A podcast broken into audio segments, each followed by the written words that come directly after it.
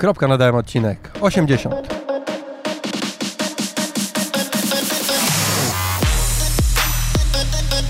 Cześć, jestem Marcin i właśnie słuchasz mojej audycji o triatlonie. Poznasz w niej fajne osoby, dowiesz się ciekawostek odnośnie treningu i sprzętu i co najważniejsze, posłuchasz o tym, jak pozostać normalnym człowiekiem.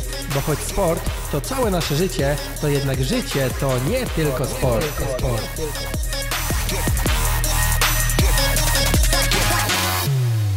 Cześć wszystkim. E, Dzisiaj e, pierwszy raz nagrywam na stojaka w ogóle, więc ci co oglądają wideo to tak i trochę inaczej będzie. Zobaczymy jak to, jak to wyjdzie. E, I tak, i pierwszy raz z Tobą nagrywam, ale to zwykle Tak, gość no, jest no, no. jakiś nowy. I Raz jedyny tylko. Oj, tak. Zobaczymy, bo tematów jest dużo generalnie. Myślę, że w pewnym momencie dzisiaj po prostu utnę, jak będzie już, wiesz, godzina, półtorej. Dzisiejszym gościem jest Michał Undra. Cześć Michał. Cześć, bardzo miło. Witam wszystkich. I właśnie, czym Ty się zajmujesz?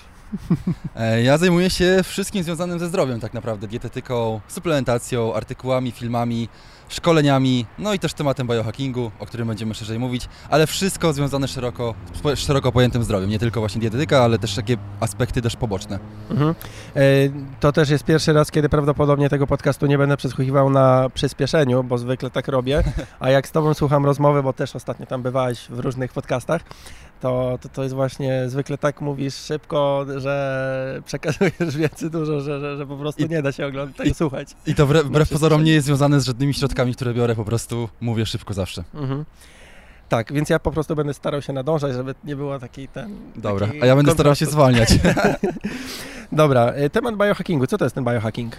Biohacking ogólnie mówiąc są to metody poprawy naszego samopoczucia, poziomu energii, efektywności, związane przede wszystkim ze stylem życia, e, czyli na przykład lepiej śpimy, morsujemy, saunujemy, dobieramy od, odpowiedni styl życia, niekoniecznie może dietę, e, styl odżywiania, tak, nie, niekoniecznie dietę, e, suplementację, no i wszystkie jeszcze dodatkowe rzeczy, urządzenia, gadżety i tak dalej, które są związane z biohackingiem. E, czym biohacking nie jest, bo niestety z tym się e, często kojarzy, z jakimiś manipulacjami genetycznymi, z wszczep, wszczepianiem sobie chipów, czy jakimiś niebezpiecznymi ogólnie manipulacjami ciałem, to akurat biohacking nie do końca jest, to są bezpieczne, skuteczne metody poprawy właśnie efektywności, zdrowia, samopoczucia. Czyli takie lajtowe rzeczy, po prostu drobne zmiany życiowe, które gdzieś tam powodują, że lepiej nam się żyje. Znaczy na tym podstawowym poziomie to są Mhm. bardzo, bardzo podstawowe rzeczy, właśnie sen rytmowy, morsowanie, potem mamy właśnie zmiany może w stylu życia, takie jak dieta, e, że tam omijamy posiłki i tak dalej, potem mamy suplementację, która jest nieograniczona, no i potem są różnego róż- rodzaju urządzenia, ale w biohackingu one powinny być raczej bezpieczne, tak? Czy to będzie mata do akupresu, akupresury, czy to będą jakieś urządzenia, może nie wiem, masujące, czy jakieś do treningu, czy coś tam stymulujące, e, ale po prostu one powinny być bezpieczne, tak? Tutaj raczej nie ingerujemy w ciało w jakiś taki sposób niebezpieczny, no ale znowu, ze względu na to, że bio- biohacking jest bardzo nową, rozwijającą się dziedziną, w Polsce w ogóle praktycznie jeszcze nie istniejącą, no to dużo rzeczy można zaliczyć sobie do biohackingu, tak? Bo po prostu nie ma jakiejś tam e, konkretnej definicji, bo ta definicja, którą ja podałem, ona nie jest słownikowa, nie jest nie wiem skąd, tylko po prostu jest taka raczej przyjęta ogólnie, ale jeszcze nie jest to słowo takie do, dosyć e, dobrze znane, a w Polsce no praktycznie nikt nie wie, czym jest biohacking, no i właśnie e, dlatego staram się tą definicję jakoś taką wprowadzić, żeby to kojarzyć raczej z metodami bezpiecznymi, a nie z, właśnie z takimi niebezpiecznymi manipulacjami. Mhm, mhm, mhm. E, No tak, ja generalnie jak zacząłem się interesować e, tematem, to nie wiem, takie książki jak Headstrong, jak Dokładnie. e, o rany One Day, chyba jest coś takiego jak One Day, One Day.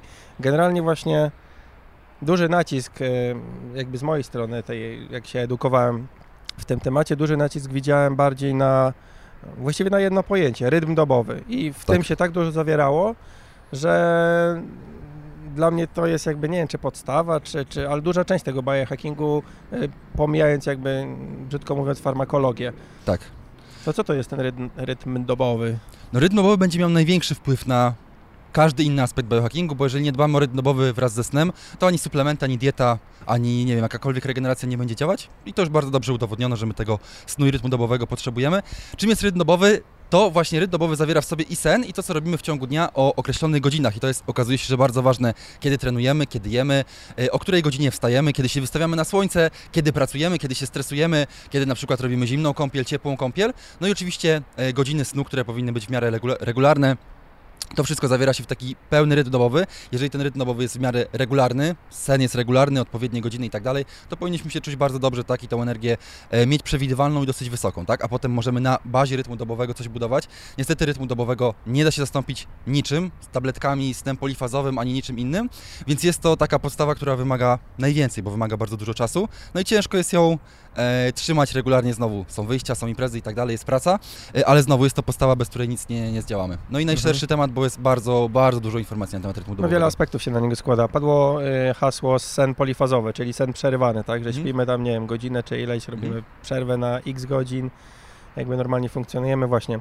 E, dobra, no to jak wtedy, nie wiem, może nie unormować, ale jak ten rytm dobowy powinien wyglądać? W sensie jest dzisiaj, spotykamy się o godzinie 10, czyli nie wiem, jeśli ja śpię, nie wiem, od 11 do 7 rano powiedzmy, tak, od 23 do 7, staram się zasypiać wieczorem, jakby ten wieczór, zaraz o nim opowiemy, ale teraz tak, wstaję rano i co robię?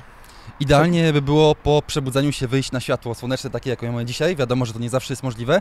To jest jedna z głównych rzeczy, która ustawia i resetuje nasz rytm dobowy. Jak nasze ciało dostaje taki właśnie sygnał od światła, że jest bardzo jasno, to już dostaje sygnał, dobra, jest rano, wstajemy, czas się obudzić, energia jest bardzo duża. Ogólnie słońce, można powiedzieć, że jest naturalnym nootropikiem, czyli działa korzystnie na mózg, oprócz mnóstwa innych korzyści i działa bardzo pobudzająco, więc to jest taka w sumie pierwsza rzecz. No i w ciągu pierwszej części dnia przeważnie raczej zaleca się, żeby wtedy jeść, a nie krótko przed snem. No i w pierwszej części dnia raczej zaleca się, żeby e, obciążać się, stresować i tak dalej, trenować, a nie robić tego jakoś bardzo późno wieczorem czy po południu. Raczej ta pierwsza część dnia, no w zależności od tego, kiedy kto wstaje, e, jest częścią produktywną czy jakąś tam po prostu stresową. Okej, a jeśli jest na przykład zima, wstajemy o tej 7, wychodzimy, a tutaj ciemno, No to jest akurat problem i wtedy nie możemy tego zrobić naturalnie. Możemy użyć specjalnych lamp, które są takie albo antydepresyjne, albo po prostu, które właśnie stymulują światło słoneczne, które mają taką moc, bodajże to jest moc y, od 10 tysięcy luksów. Słońce ma dużo większą, tak, ale to są po prostu bardzo mocne lampy, które możemy sobie w domu postawić i przed nią po prostu na nią patrzeć, tak, i to bardzo też, powiedzmy, że stymuluje światło słoneczne i znowu nas bardzo pobudza. I oczywiście, jeżeli to są lampy antydepresyjne, to wiadomo, że działają bardzo dobrze w postaci poprawy nastroju, tak samo działa ekspozycja na światło słoneczne, bo jeżeli na przykład ktoś by tygodniami siedział w domu i nie miał dostępu do światła słonecznego, to oprócz tego, że ten rytm dobowy ma bardzo zaburzony, bo nie dostaje tych wskazówek z zewnątrz, która jest godzina, to nastrój na pewno się pogarsza, bo znowu słońce bardzo dobrze działa na e, neuroprzekaźniki. Mhm. Okej, dobra. I czyli lampą po oczach, masakra, powiem ci. A co to są za lampy antydepresyjne? No są to po prostu tak jak lampy zwykłe, tylko dużej, dużej mocy, dużej intensywności tego Mhm. światła. Jakaś pewnie barwa ciepła, barwa cieplna. Tak, też, no. Dosyć ciepła to na pewno, jasna i po prostu mocne, tak? No, jakoś tam specjalnie się nie różnią, tak? One po prostu jakoś tam wprost Mhm, raczej mhm. dają to światło. Nie są do oświetlania pokojów, tylko właśnie do takiego naświetlania, e, no związane przede wszystkim z zaburzeniami dwubiegunowymi, tak? Że ktoś tam po prostu w różnych porach roku ma wtedy te problemy depresyjne i to bardzo, bardzo pomaga. Mhm, mhm. E, dobra, e, myślę, że w tych gdzieś podzwrotnikowych, nie, jak to się mówi? Równik, y, no E, około zwrotnikowych. W ogóle antarkty, arktycznych czy antarktycznych. E, mówię na przykład o Islandii, tak? Czy jakiejś północ Skandynawii. Jak Nawet mają, Skandynawia wiesz, cała, tam jest bardzo duży problem z tym. Wiem, że od osób, które tam mieszkały, że jest bardzo duży problem z alkoholizmem, z depresją, ze względu na to, że no tam większość czasu jest po prostu jakaś tam zima, jest krótki, Wikingowie. krótkie dni. No niestety, niestety. Są problemy, są wady i zalety oczywiście, nie? Tak, jest bardzo bogate społeczeństwo, a jest bardzo Tak. dużo samobójstw na przykład. na Dokładnie, przykład, nie? Z dokładnie, dokładnie. powodu. E, dobra, wstajemy, naświetlamy się, wychodzimy sobie teraz na dwór, tak, jest e, super, fajnie, ale co, tak stoimy na tym dworze, czy, czy coś robimy? Najlepiej w ogóle by było stać nago, bo to też e, ekspozycja całego ciała jest najbardziej korzystna i tutaj można powiedzieć, że każde części, które eksponujemy mają, mają jakieś tam korzyści, czy slot, splot słoneczny, czy plecy, mają jakieś tam swoje receptory i nawet narządy rodne, bo to też powinniśmy wystawiać na światło słoneczne, co nie zawsze jest jakoś tam społecznie akceptowalne.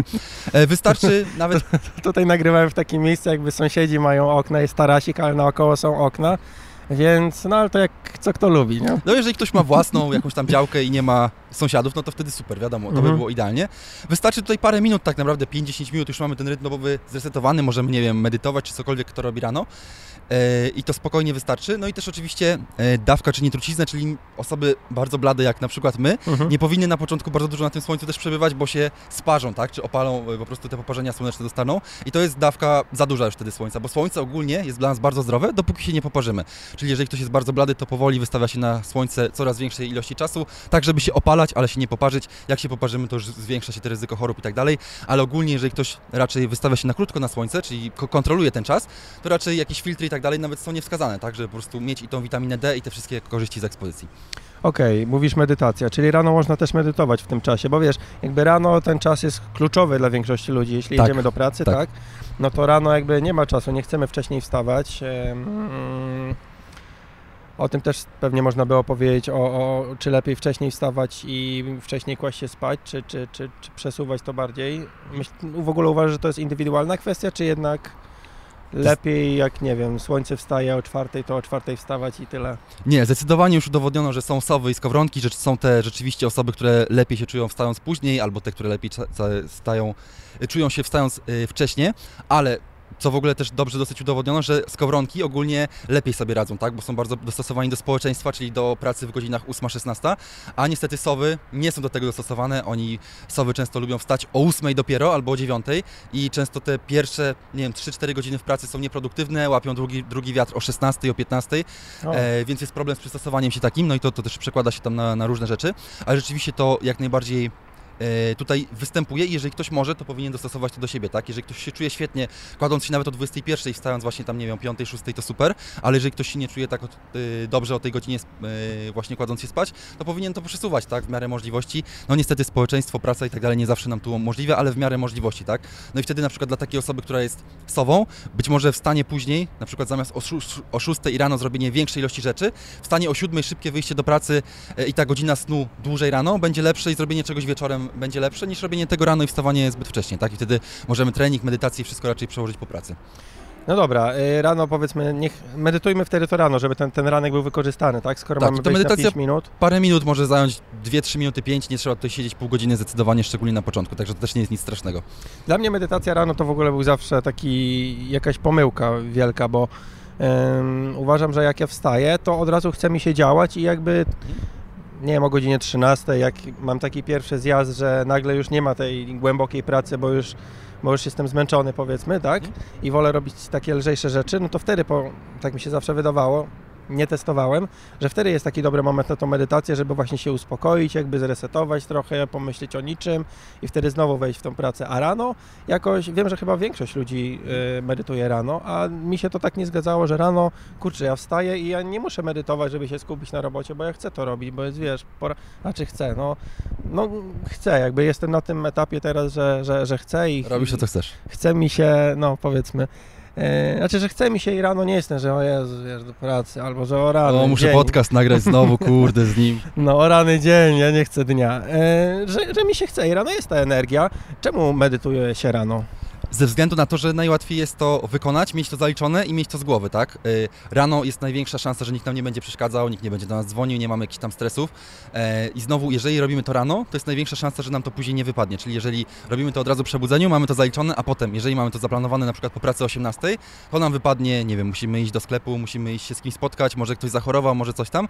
I tak w ten sposób często wypada, że no nie, nie przeznaczymy tego czasu, tak? Raczej regularnie, po prostu rano jest najłatwiej, ale medytować można o każdej godzinie tak naprawdę dnia.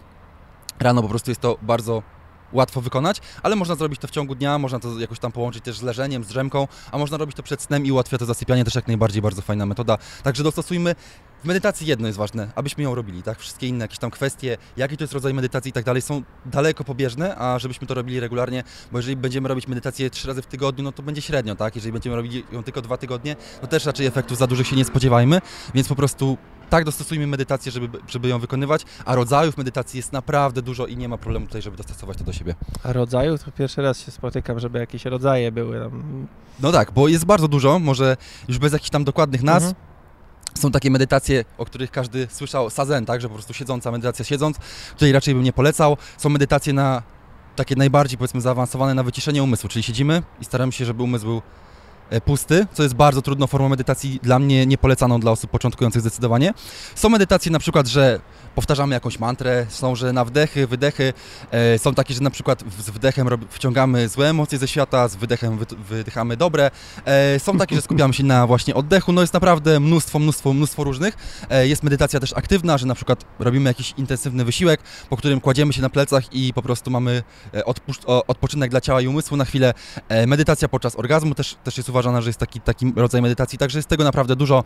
Medytacja chodząc na przykład w naturze, czy robiąc jakieś takie rzeczy nie wymagające skupienia, to jest taki mindfulness, także e, i pozycja, i czas, i trwania, i, i, wykonywania i tak dalej jest naprawdę, naprawdę są, są różne. Można medytować stojąc, siedząc, chodząc, e, leżąc, nie wiem, przed snem, jakkolwiek. Jest medytacje oczywiście są prowadzone, gdzie ktoś nam mówi, co mamy robić, są aplikacje do medytacji, które też jak najbardziej działają, być może pod jakieś dźwięki natury, co tylko chcemy.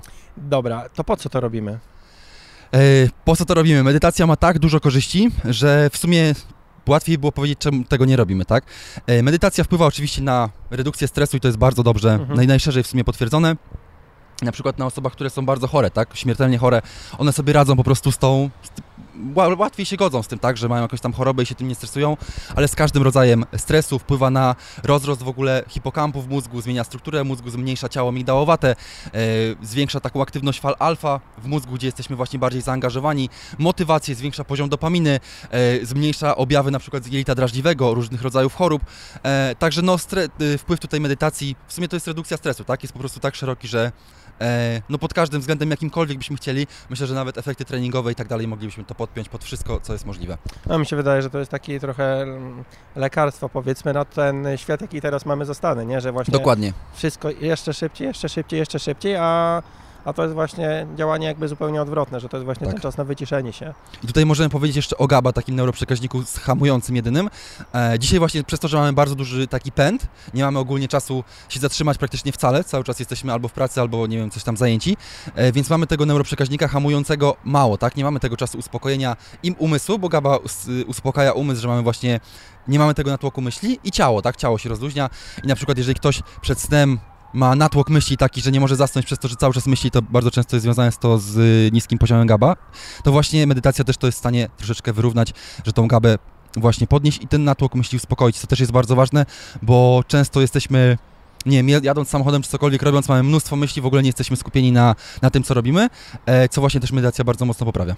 No, słyszałem właśnie, że ten natłok myśli wieczorem, jak mamy, że Dzieje się tak dlatego, że to jest jedyny moment w ciągu dnia najczęściej, kiedy Dokładnie. umysł wreszcie może się wyluzować i wreszcie może zacząć przetwarzać informacje, nie? Niestety. nagle się pojawiają właśnie te pomysły wszystkie, że trzymaj notatnik przy łóżku, bo w łóżku dopiero będziesz miał pomysły. Tak, no jest coś w tym i tak jak samo prześpi się z tym, tak? Bo wtedy właśnie hmm. przed snem jest ten natłok myśli, tak? Zamiast spać, to my myślimy o tym.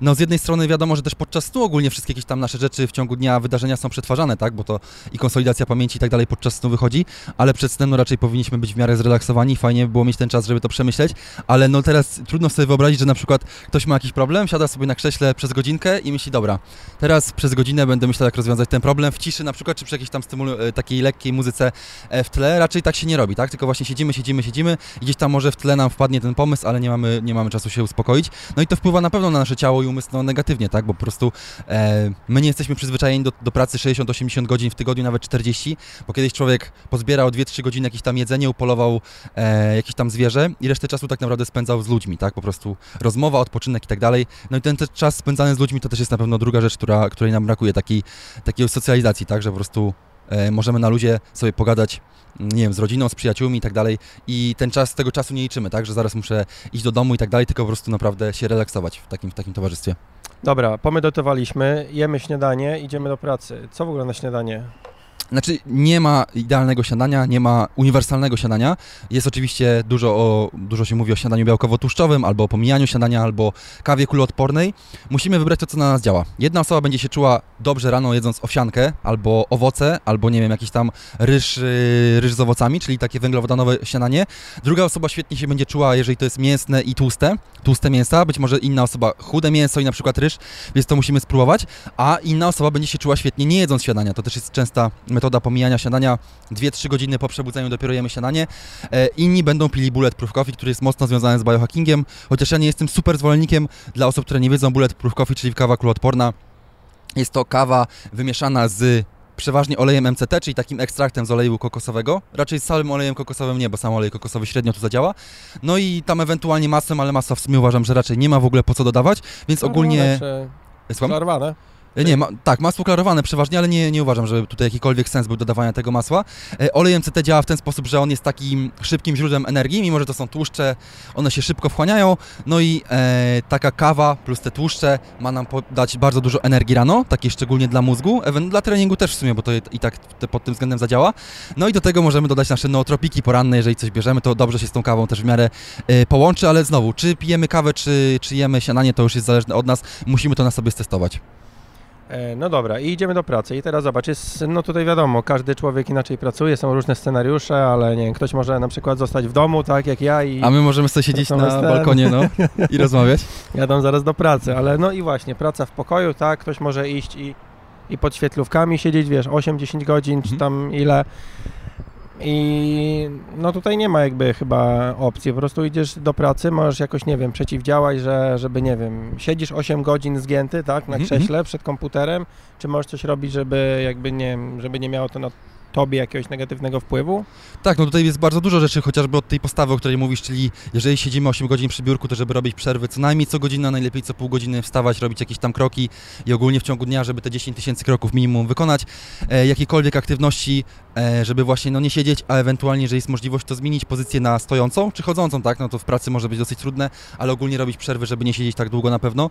Możemy ewentualnie ograniczać ten wpływ niebieskiego światła, że nawet w pracy, jeżeli jest bardzo jasne, mocne, sztuczne światło, mocne światło komputera, wtedy możemy w tych nawet specjalnych okularach pomarańczowych siedzieć, bo wtedy w tym e, sztucznym świetle tego niebieskiego światła jest za dużo.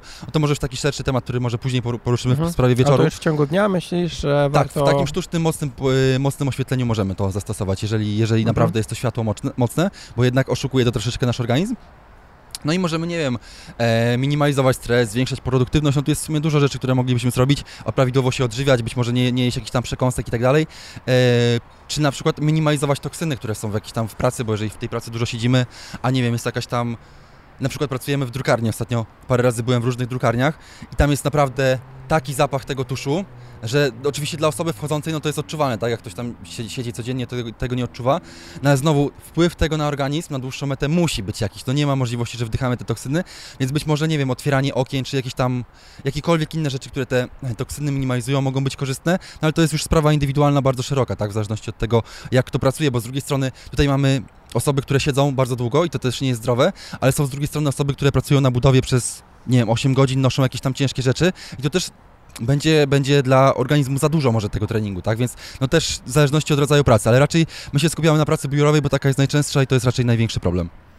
Tak, yy, Oran, tutaj wiele rzeczy opowiedziałeś. Przyczepił się trochę, przyczepiłbym się trochę do tego światła niebieskiego, mm, bo generalnie no, ono jest e, wszędzie, znaczy tak, wszędzie. No, mm, każda żarówka chyba świeci jednak na niebiesko, nie? Tak, to, to będzie... zwykła, no. Komputer, laptop, wszystko. Dokładnie, no ale też oświetlenie, chyba że tam, nie wiem, jakaś faktycznie żółta żarówka. E, czerwona. E, no, dobra, mhm. czerwona może, może czegoś takiego nie emituje. E, ostatnio za, mm, zacząłem, ostatnio słyszałem coś takiego, że no już teraz pewnie mm, pewnie dużo, dużo rzeczy zmyślę, ale generalnie mam nadzieję, że myśl przekażę, e, że niebieskie światło może być odpowiedzialne, nie wiem, czy jakieś badania są albo coś takiego, e, za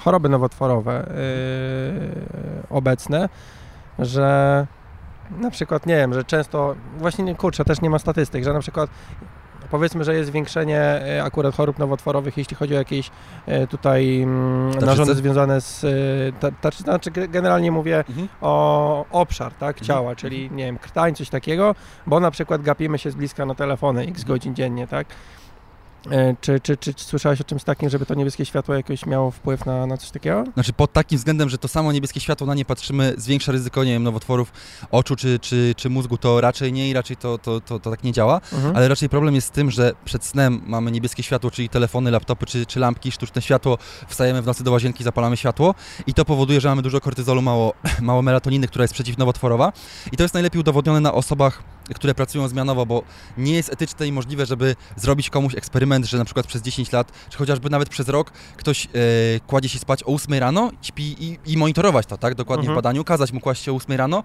i wstawać o 16, tak, żeby ten rytm dobowy zaburzyć, ale osoby na pracy zmianowej mają rytm dobowy zaburzony przez 20 lat często, bo muszą pracować na trzy zmiany albo na noc i te osoby mają większe ryzyko właśnie chorób nowotworowych. Prawdopodobnie już praca e, zmianowa jest uważana za prawdopodobnie nowotworową, właśnie e, zwiększającą ryzyko nowotworu przez WHO, czyli bardzo dużą organizację. I to nam świadczy o tym właśnie, że no, pracowanie w nocy tak i zmiana tego rytmu dobowego, na pewno mniej melatoniny, to, że śpimy o różnych godzinach cały czas, no nie wpływa na nasze zdrowie e, dobrze. Tutaj oczywiście u osób na pracy zmianowej mamy większe ryzyko używania używek, papierosów, kawy, e, stymulantów, narkotyków i tak bo chcemy się pobudzić w nocy. E, mamy problemy z nastrojem, mamy problemy z nadwagą i tak także tych e, zwiększenie chorób, które są związane z pracą zmianową i zaburzeniem rytmu dobowego pewnie jest bardzo dużo. Nie jest to jeszcze mo- może tak dokładnie udowodnione, mm, ale na pewno coś w tym jest, tak? No i też jeżeli ktoś pracuje zmianowo, nie ma żadnej metody, żeby zmniejszyć, znaczy można minimalizować ryzyko tych, tych chorób, tak? Czyli e, znowu spać w ciemnym pomieszczeniu, być może jakoś tam w miarę regularnie ten rytm dobowy trzymać, może jakieś adaptogeny, może melatoninę suplementować, ale praca zmianowa zawsze jest dla nas problematyczna, nie ma możliwości, żeby się do niej dostosować, nie, nie jesteśmy w stanie. Dobra, to przeskoczmy na chwilę, jak już o tym niebieskim świetle, przes- przeskoczmy, jak opowiadamy sobie o, tym jednym dniu, tak, że tam od tych e, przebudzenia i tak, dokładnie, to przeskoczmy na chwilę taki e, do, do, do wieczora, tak, że mamy to niebieskie światło, no i generalnie powiedzmy, że odkładamy w ogóle telefon i zamykamy komputer od 19, 20, coś takiego, że, że jest dobrze, jakby wyeliminowaliśmy to, tak, no i później mamy poodpalane wszystkie światła, no bo nie będziemy chodzić po ciemku w domu, no? Więc generalnie, no jednak nie zrobiliśmy wszystkiego, co, znaczy nadal jesteśmy cali, może nie z bliska, no ale nie mamy żerandola, wiesz, 10 metrów nad głową i tak jesteśmy w ekspozycji na to niebieskie światło. Mhm. Panie, jak żyć? Nie wiem, y, chodzić faktycznie po ciemku, chodzić, nie wiem, ubranym w burkę i, i żeby, wiesz, zakryć całe ciało, okulary i w ogóle, żeby nie eksponować skóry, za, zamontować żółte e, żarówki, no co robić? Jakbyśmy po ciemku chodzili, byśmy się zabijali o te szafki, to można się szybko wkurzyć. Nie, nie chcę No. tego biohackingu już. E, tutaj są różne metody, takie dwie główne w sumie.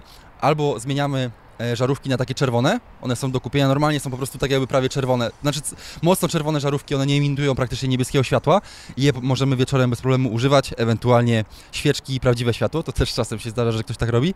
No ale na pewno najłatwiejszą metodą jest, są okulary te pomarańczowe właśnie, które blokują niebieskie światło, które kilka godzin przed snem One muszą być, stosują- sorry, że przerwę pomarańczowe, bo widziałem też e, normalne, białe szkła, e, Mhm. które rzekomo blokują niebieskie światło, tylko one nie były takie zabudowane, wyglądały jak normalne, takie korekcyjne. Mhm, te zwykłe białe, bardzo mało, e, małe spektrum tego niebieskiego światła, Okej. mało procent blokują. E, tak naprawdę wieczorem powinniśmy jak najciemniejsze te okulary, bo one są tam od powiedzmy jasno-żółtych do ciemno-czerwonych naprawdę i tak naprawdę późno przed snem powinniśmy te ciemno-czerwone tak naprawdę stosować, e, a na przykład podczas pracy, jeżeli siedzimy właśnie w sztucznym świetle i przy komputerze długo, no to wtedy te na przykład białe się sprawdzą albo jasno-żółte, tak, bo wtedy po prostu jest jeszcze dzień, więc nie musimy całego tego niebieskiego światła blokować, ale tylko część. E, No i oczywiście te okulary blokują e, ekspozycję naszych oczu, ale nie, nie blokują skóry, tak? No i na to akurat nie ma innej możliwości oprócz tych lampek czerwonych, e, bo nasza skóra oczywiście odbiera ten sygnał, że jest Mhm. dzień, tak? Że jest jasno, że mamy światło zapalone, ale oczy i mózg są najważniejsze, więc te okulary i tak bardzo dużo dają. Bardzo wiele osób stosując okulary, jedna prosta zmiana, od razu lepiej zasypiają, lepiej się wysypiają, także na pewno jest coś, co możemy polecić, jeżeli ktoś nie może tych, tych czerwonych jakichś tam e, światełek stosować. No i też e, ta kwestia właśnie, co mówiłem, wstawania do toalety, jeżeli wstajemy do toalety o drugiej, trzeciej nad ranem i zapalamy światło i wszędzie, no to nasze ciało dostaje tak mocny sygnał, że jest dzień i nawet jak zaśniemy potem, to już mamy kortyzol wywalony, jest y, jakość snu już bardzo słaba, więc idealnie by było do toalety na przykład chodzić po ciemku, tak, czy, czy nie zapalać tego mocnego światła, czy przynajmniej jakieś lekko czerwone, lekkie czerwone, bo naprawdę to też znowu ten sen będzie rytmowy nam mocno zaburzać. No to wtedy na noc po prostu można mieć takie wkładane w kontakt na przykład y, lekko palące się na przykład na czerwono lampeczki, nie? Na przykład, no. Żeby podłogę mieć chociażby oświetloną, nie? Ja po ciemku na przykład chodzę, jak mi się zdarza. Dobra, słyszałem też ostatnio, jeśli chodzi o to kładzenie się spać, bo się śmiałem z burką, tak, z, z burki i tak dalej, znaczy generalnie może nie z burki, ale z zakrywania całego ciała. E, Słyszałem, że właśnie, wiesz, niektórzy nagle się zapalili do tego biohackingu i teraz w ciągu dnia, wiesz, w gaciach po domu, tego jest git, łapie słońce, a im bardziej do wieczora, tym wiesz, w golfie, Okay. nie, że jakoś tam, że, że, za ciepło, tak, ale że generalnie właśnie zabudowywali się, e, żeby nie odbierać e, tym ciałem. Mówi, że jednak oczy, no wiadomo, że oczy przejmują tego najwięcej, ale z drugiej strony skóra jest dużą płachtą, że tak, Tak. powiem, materiału, nie? No powiem szczerze, że nie słyszałem o takich metodach dziwne, dosyć, no nie wiem, jak, ktoś, jak komuś wygodnie, no jest to jakaś metoda, tak, ale pytanie, czy jesteśmy w stanie tym się tak zakryć, że żadna część skóry nie dostanie tego i tak dostanie gdzieś tam Mhm. stopa, nie wiem, czy, czy i tak gdzieś tam twarz będzie odkryta, więc czy jest jakiś tam duży sens, ewentualnie możemy w long sleeve i w długich spodniach, tak, no to wtedy Mhm. zdecydowanie zmniejszamy ekspozycję, ale nie widzę jakiegoś tam większego zastosowania. Dobra, więc generalnie tak jak mówimy o tym rytmie dobowym, czyli rano się jakby wybudzamy, to światło, a na wieczór staramy się e, złagadzać, Jezu, brakuje mi słowa. Wyciszać. wyciszać właśnie e, poprzez światło chociażby e, ten nasz organizm. E, powiedziałeś stopy, inna rzecz wtedy. Rano jak sobie wychodzimy na przykład na e, ogród, powiedzmy, jeśli mamy ogród, to na bosaka na przykład, bo też słyszałem czymś takim, to się chyba grounding nazywa, Mhm. Uziemianie. E, nie jest to na pewno metoda udowodniona jakoś specjalnie naukowo. E, polega ona na tym, że e, niby od, jakby odbierzemy naszym ciałem e, wolne elektrony z Ziemi, tak, i to zmniejsza wpływ takiego prądu, ogólnie smogu, elektrosmogu, wszystkich rzeczy, urządzeń elektrycznych, które mamy, na które jesteśmy narażeni. E, no ale tak jak mówiłem, jakaś e, tam walidacja tego naukowa jest słaba, także nie zaszkodzi na pewno.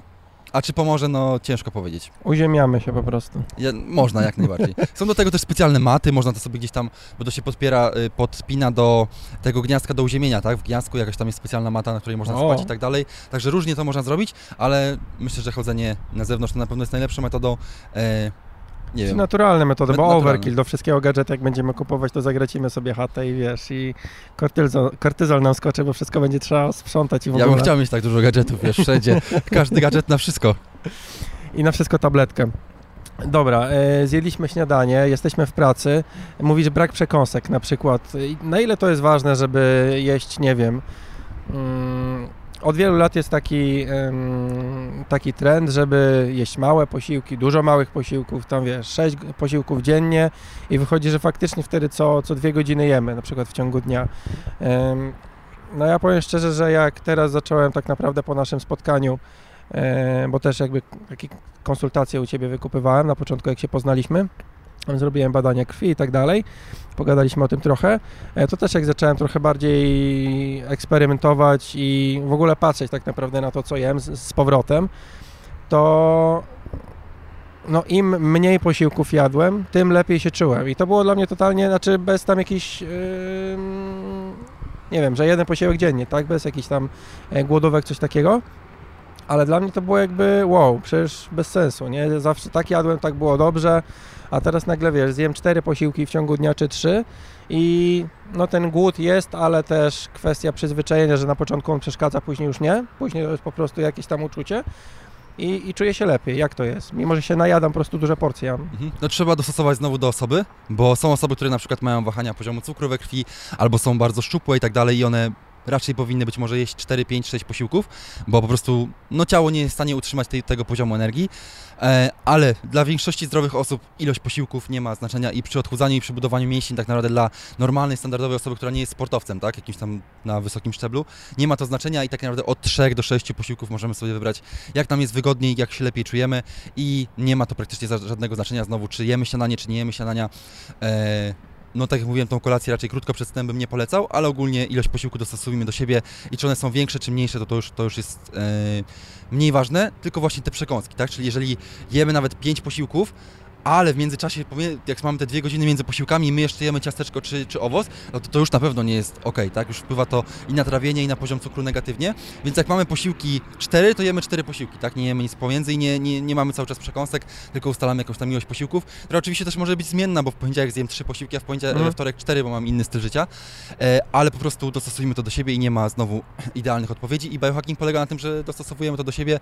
I też w biohackingu bardzo popularny jest intermittent fasting, czyli jedzenie w tak zwanym oknie żywieniowym 8 godzin, czyli na przykład jemy od 12 do 20, tak? Czyli 8 godzin e, jedzenia i tam 2-3 posiłki w ten czas e, wplatamy, czy być może nawet potem tylko 4 godziny, od 12 do 16, czy od 14 do 18 i wiele osób się czuje na tym lepiej. Jeżeli jemy odpowiednią ilość kalorii, taką samą, to pod względem odchudzania i sylwetki nie będzie miało to znaczenia, tak? Więc tutaj kalorie też są bardzo ważne. Dobra, jeśli chodzi o taką głodówkę przerywaną, nazwijmy to po polsku, e, to nie ma problemów z jakimiś jazdami energetycznymi, bo chyba u sporej ludzi, grupy ludzi się coś takiego pojawia, że wiesz, jesz powiedzmy 4-6 godzin dziennie i w ogóle jak ktoś pomyśli, Jezus, 6 godzin dziennie, dziennie tylko mogę jeść, to właściwie nic nie zjem, ale tak naprawdę jak przedłużymy trochę poranek bez śniadania, to 6 godzin to jest właśnie od 12 do 18 i nagle mamy cały dzień tak naprawdę za, zajęty tym jedzeniem, nie? Tak. Ale jeśli chodzi o te ym, zjazdy energetyczne, no bo to jest tak, że wiesz, jest super i nagle, wiesz,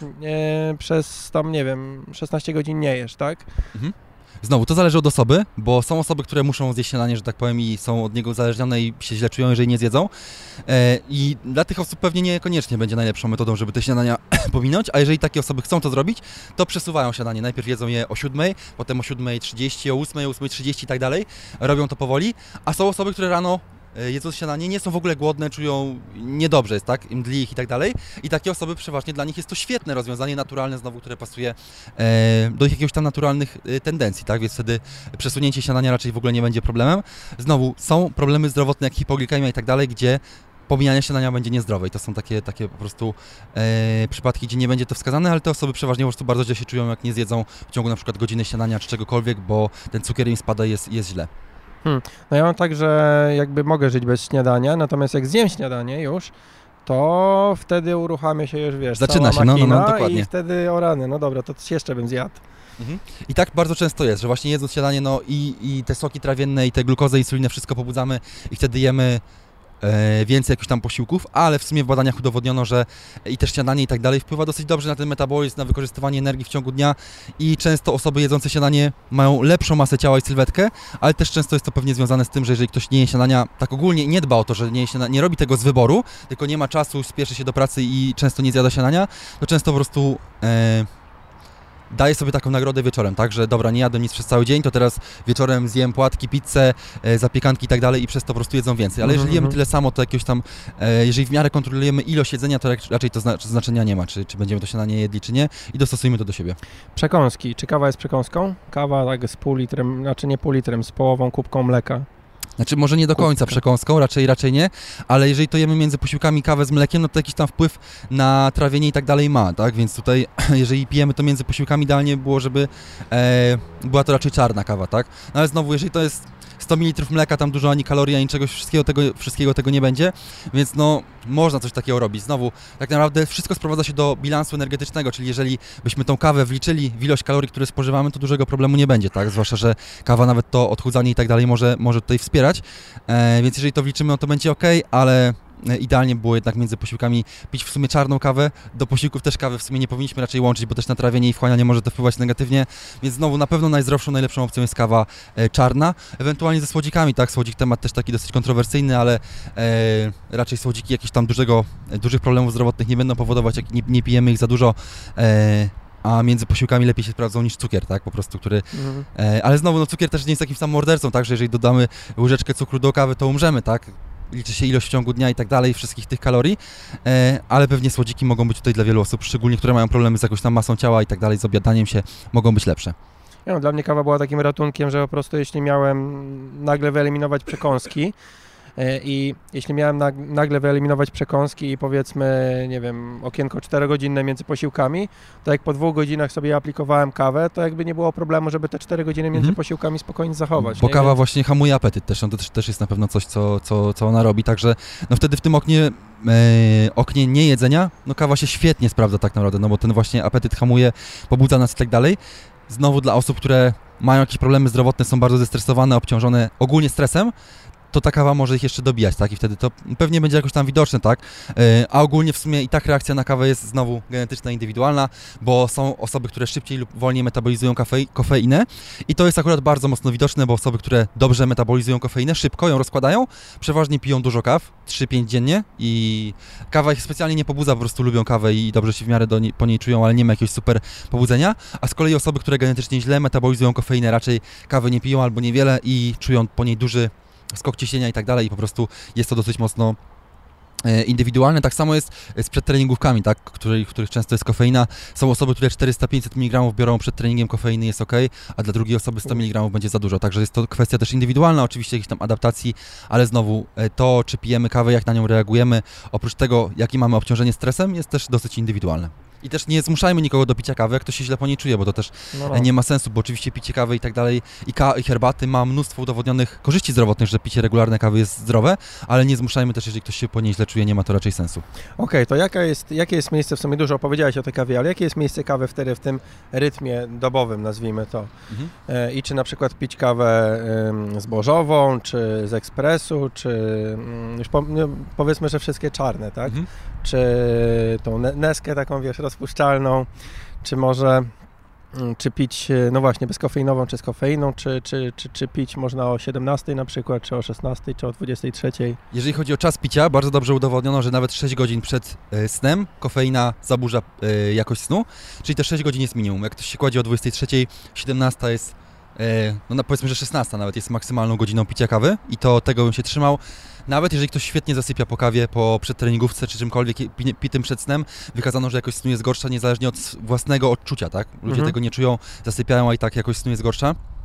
Jaki rodzaj kawy? Temat bardzo szeroki, może trochę kontrowersyjny, zdecydowanie moim zdaniem najlepsze są wszelkie metody alternatywne. Chemex, Aeropress, Drip, em, Nitro nawet teraz jest dosyć popularna. E, takie nie wiem, o metody, czym mówisz. To są takie metody... Znaczy nie, no, metody parzenia, tak? Tak, metody parzenia takie. Ja tak dokładnie bardzo na kawie się nie znam, więc tutaj może nie będę tego dokładnie opowiadał, tylko te nazwy wymienię, ale są to takie metody, gdzie ta kawa jest i ma więcej tych y, antyoksydantów i polifenoli i tak dalej, więc tego typu metody będą e, najlepsze. E, potem myślę, że będzie zwykły ekspres czy jakiś tam e, kawa z jakiejś takiej maszyny powiedzmy, no a na, na samym końcu myślę, że kawa rozpuszczalna, bo jednak e, ona raczej tych składników odżywczych ma mniej, czy czy witamin, czy właśnie antyoksydantów, chociaż wykazały, były badania, które wykazywały też, że kawa rozpuszczalna jest jak najbardziej zdrowa i wpływ na zdrowie, na zdrowie ma korzystny, więc rodzaj kawy jest mniej ważny w sumie, e, nie jest aż tak ważny powiedzmy, tak? Czy pijemy, jaki rodzaj kawy pijemy, to już e, nie ma znaczenia, myślę, że to też nie ma aż tak dużego znaczenia, dostosujmy to, jaką lubimy, czy do jakiej mamy dostęp, e, a jeżeli możemy po prostu wybrać i jest to dla nas obojętne, to ten Chemex, Aeropress czy Drip by były najlepsze, kawy zbożowe i jakieś tam gotowe. Powiem szczerze, że w ogóle kawy zbożowe chyba w ogóle nie były przebadane i nie wiem, jaki to ma wpływ na zdrowie. Nie jestem w stanie powiedzieć, czy to na pewno nie jest to, to samo co kawa. Myślę, że e, mniej korzystny wpływ mają na zdrowie, a czy jakiś w ogóle korzystny, czy niekorzystny, nie widziałem żaden, żadnych takich nau- naukowych rzeczywiście informacji na ten temat, także ciężko jest mi powiedzieć.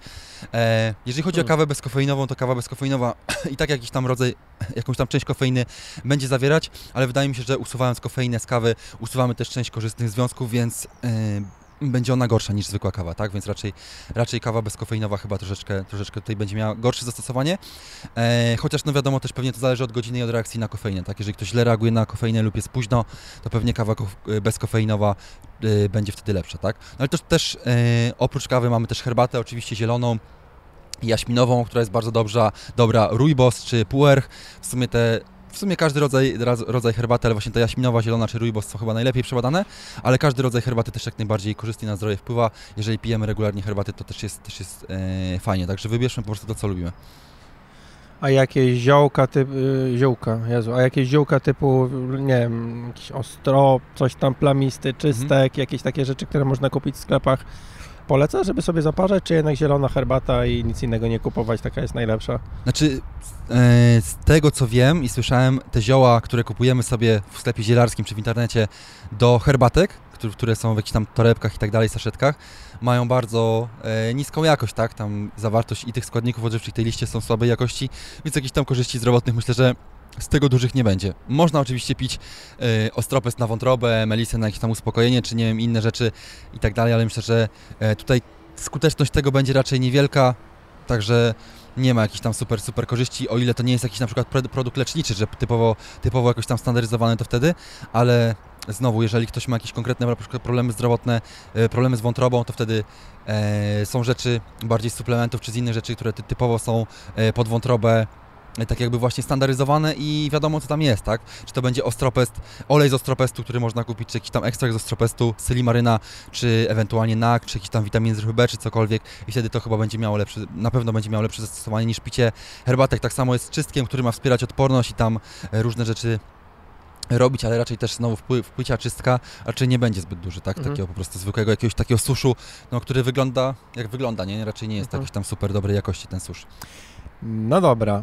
Okej, jak wygląda kwestia tolerancji na kawę? No, w sensie budujemy ją i na przykład y, jakby zupełnie nie, nie interesuje mnie kwestia pobudzenia poprzez e, kofeinę. To, że tam, nie wiem, zaczynamy pić, walniemy jedną kawę i nagle stoimy na rzęsach, Mhm. a po, po, nie wiem, po pięciu latach e, picia kawy może to tak nas nie rusza. Ale jeśli chodzi o te pozytywne aspekty picia kawy, czy budujemy tę tolerancję i z biegiem czasu, nie wiem, powinniśmy zrobić jakiś reset, że nagle e, co roku w grudniu nie pijemy kawy, albo tam w marcu, albo coś?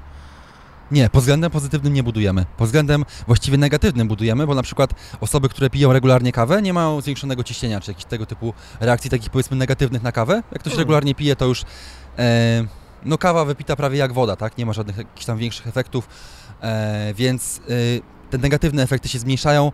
A czy robić detoks od kawy? To już zależy od tego, czy chcemy, żeby ta kawa nas tak jakby klepała i pobudzała, bo jeżeli chcemy, no to powinniśmy zrobić detoks, tak? I wtedy e, tak samo jest z zawodami, czy stosowaniem kofeiny przed, przed zawodami, czy przed, przed jakimiś tam e, startami, że jeżeli stosujemy ją przez dwa miesiące codziennie, no to efektu nie będzie, tak? Ale jeżeli na przykład zrobimy przed startem jakieś tam odstawienie i jakoś tam dobrze to zaplanujemy, że przed startem bierzemy, to wtedy mamy tego kopa rzeczywiście, tak?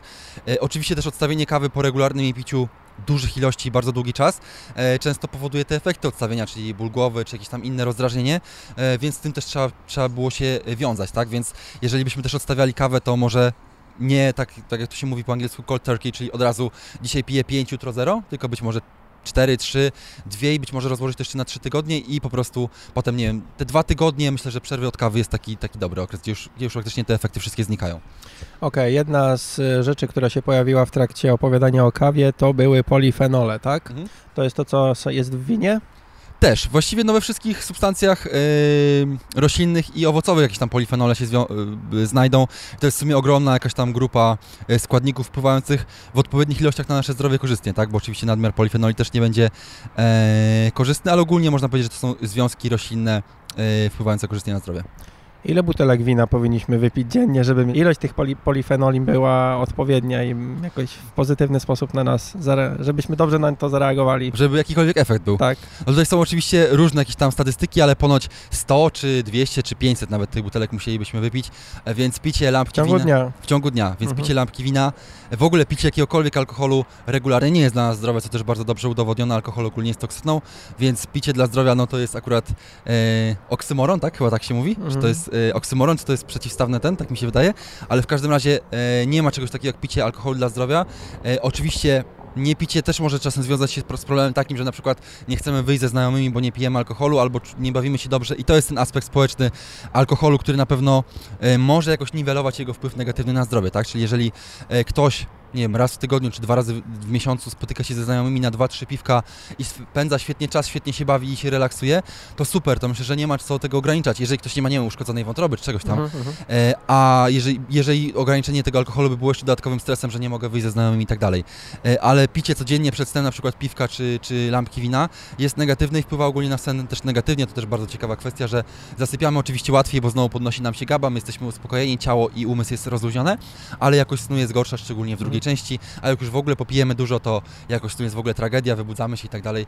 E, Także no, spożywanie alkoholu ogólnie i przed snem też nie jest na pewno wskazane dla zdrowia.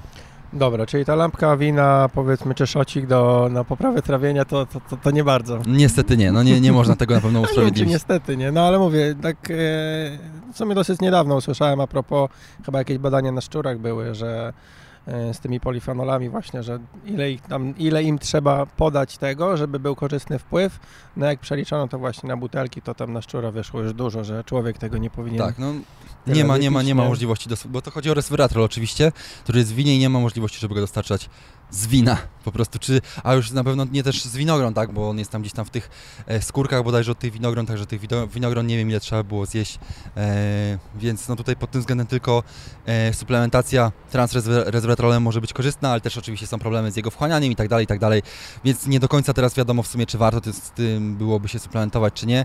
Jest jeszcze taki e, kuzyn resveratrolu, którego nazwy na pewno dobrze nie powiem, jakoś ptelistribrene, pstilibrene, czy coś, być może tutaj uda się napisać nazwę, który jest e, kuzynem resveratrolu, który lepiej się wchłania i on jest bardzo dobrze badany. Niestety ma ciężką nazwę, ale to być może będzie taką właśnie, bo resveratrol ma bardzo dobre działanie takie anti-agingowe i antyoksydacyjne na całe, w sumie jak tam patrzymy na całe kaskady naszego organizmu, e, na różne tutaj geny i tak dalej i dlatego jest taki obiecujący, tak? Mało jest substancji, które ma tak szeroki wpływ na zdrowie, e, ale ten jego kuzyn być może po prostu będzie lepszą metodą, gdzie suplementacja czy jakieś dostarczanie go będzie po prostu łatwiejsze i lepsze wchłanianie i lepsza skuteczność. Dobra, jedną z rzeczy, którą taką główną wymieniłem, tak jak ja sobie to w głowie układam, e, jeśli chodzi o te problemy świata obecnego, to jest ten rytm dobowy zakłócony.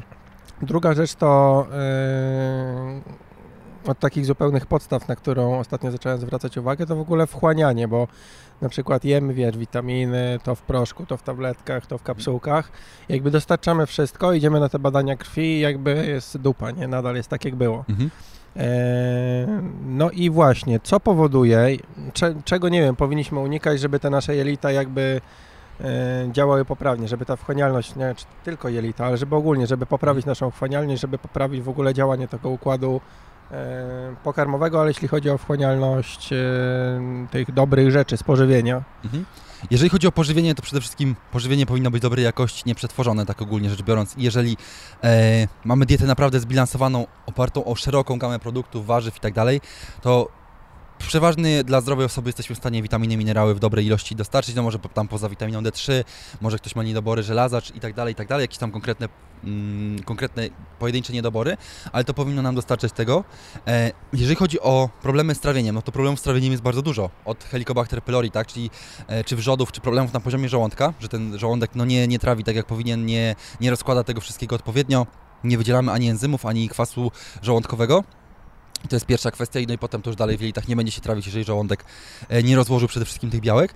No i pod względem jelit też znowu mamy choroby zapalne jelit, oczywiście najbardziej znana jest celiakia, bo ona bardzo mocno wpływa na wchłanianie, ale znowu, czy te kostki są uszkodzone, czy mamy jakiś znowu... E, czy stany zapalne, czy jakieś uszkodzenia tych jej, czy cokolwiek, czy zaburzoną florę jelitową, która też wpływa na wchłanianie, więc tych problemów jest dużo i zależy w sumie od osoby. Tutaj trzeba było pewnie jakąś diagnostykę wykonać i też sprawdzić, e, jakie mamy na przykład objawy trawienne, tak, co nam, co nam dolega po, po spożywaniu posiłków.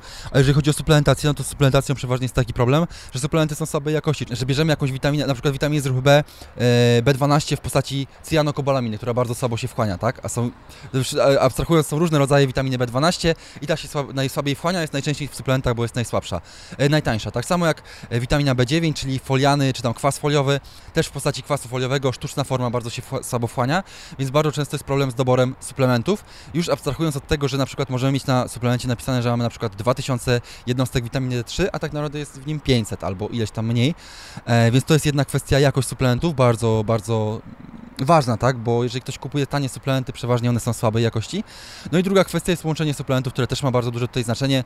Jeżeli bierzemy jeden składnik multivitaminę, multiminerał, multi ogólnie, który zawiera wszystko, to tam się nic nie będzie wchłaniać, tak? Bo witaminy rozpuszczalne w tłuszczach nie, roz, nie wkładają się z rozpuszczalnymi.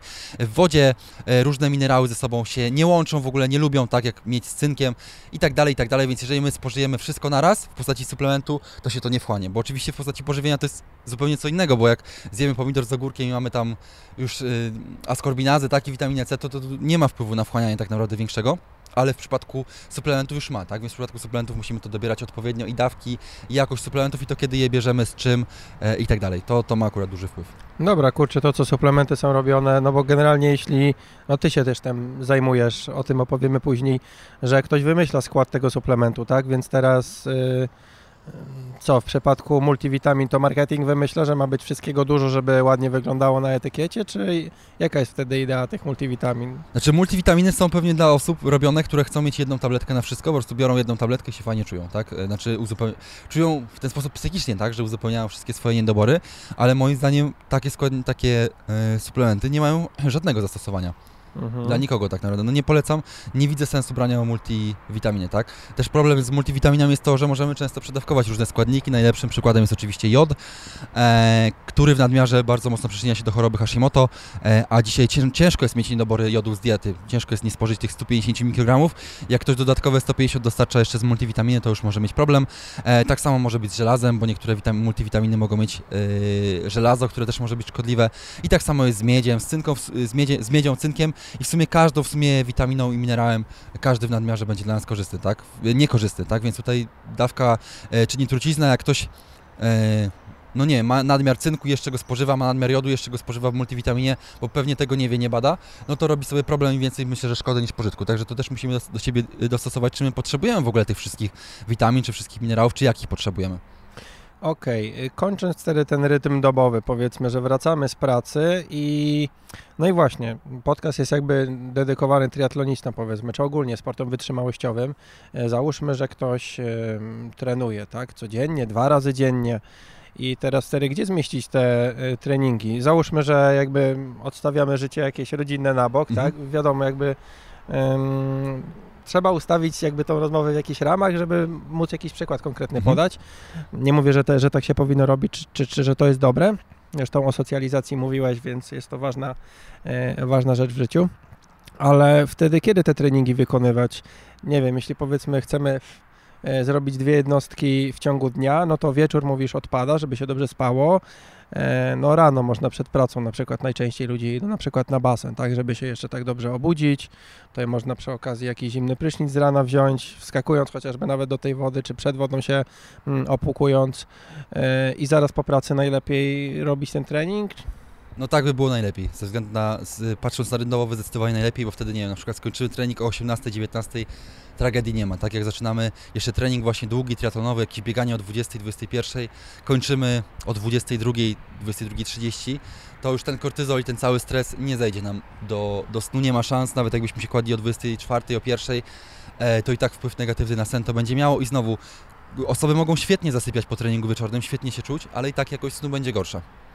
Jak jest z kortyzolem, jeśli chodzi o jego, powiedzmy, że nie wiem, idę, tak, badam krew, mam kortyzol nisko, no to co ja się będę nim martwił, tak? To jest generalnie coś, co lata w ciągu dnia dość mocno. Tak. Kortyzol ma swój rytm nobowy i tak naprawdę jedno badanie kortyzolu rano no nie jest idealnym wyznacznikiem, szczególnie z krwi. Nie, ciężko się tym sugerować. W sumie kortyzol, po prostu zaburzenia rytmu dobowego kortyzolu będą da, nam dawały objawy takie, że rano będziemy zmęczeni, a wieczorem pobudzeni na przykład. Tak? To może być, że mamy problem ze wstawaniem bardzo duży rano i tak dalej, to mogą być takie objawy.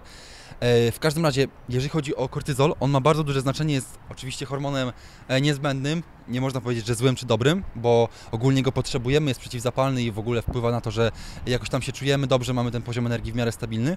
E, co jest ważne w, w przypadku kortyzolu jest właśnie ten rytm dobowy, żeby ten kortyzol był w ciągu dnia w ten sposób wyglądał, że rano jest bardzo wysoki i ogólnie w ciągu dnia on tam spada, tak? Jak trenujemy to się podnosi, mm. jak coś jemy to podnosi, jak mamy stres to się podnosi, ale ogólnie przed snem już jest bardzo niski. A czemu rano jest bardzo wysoki?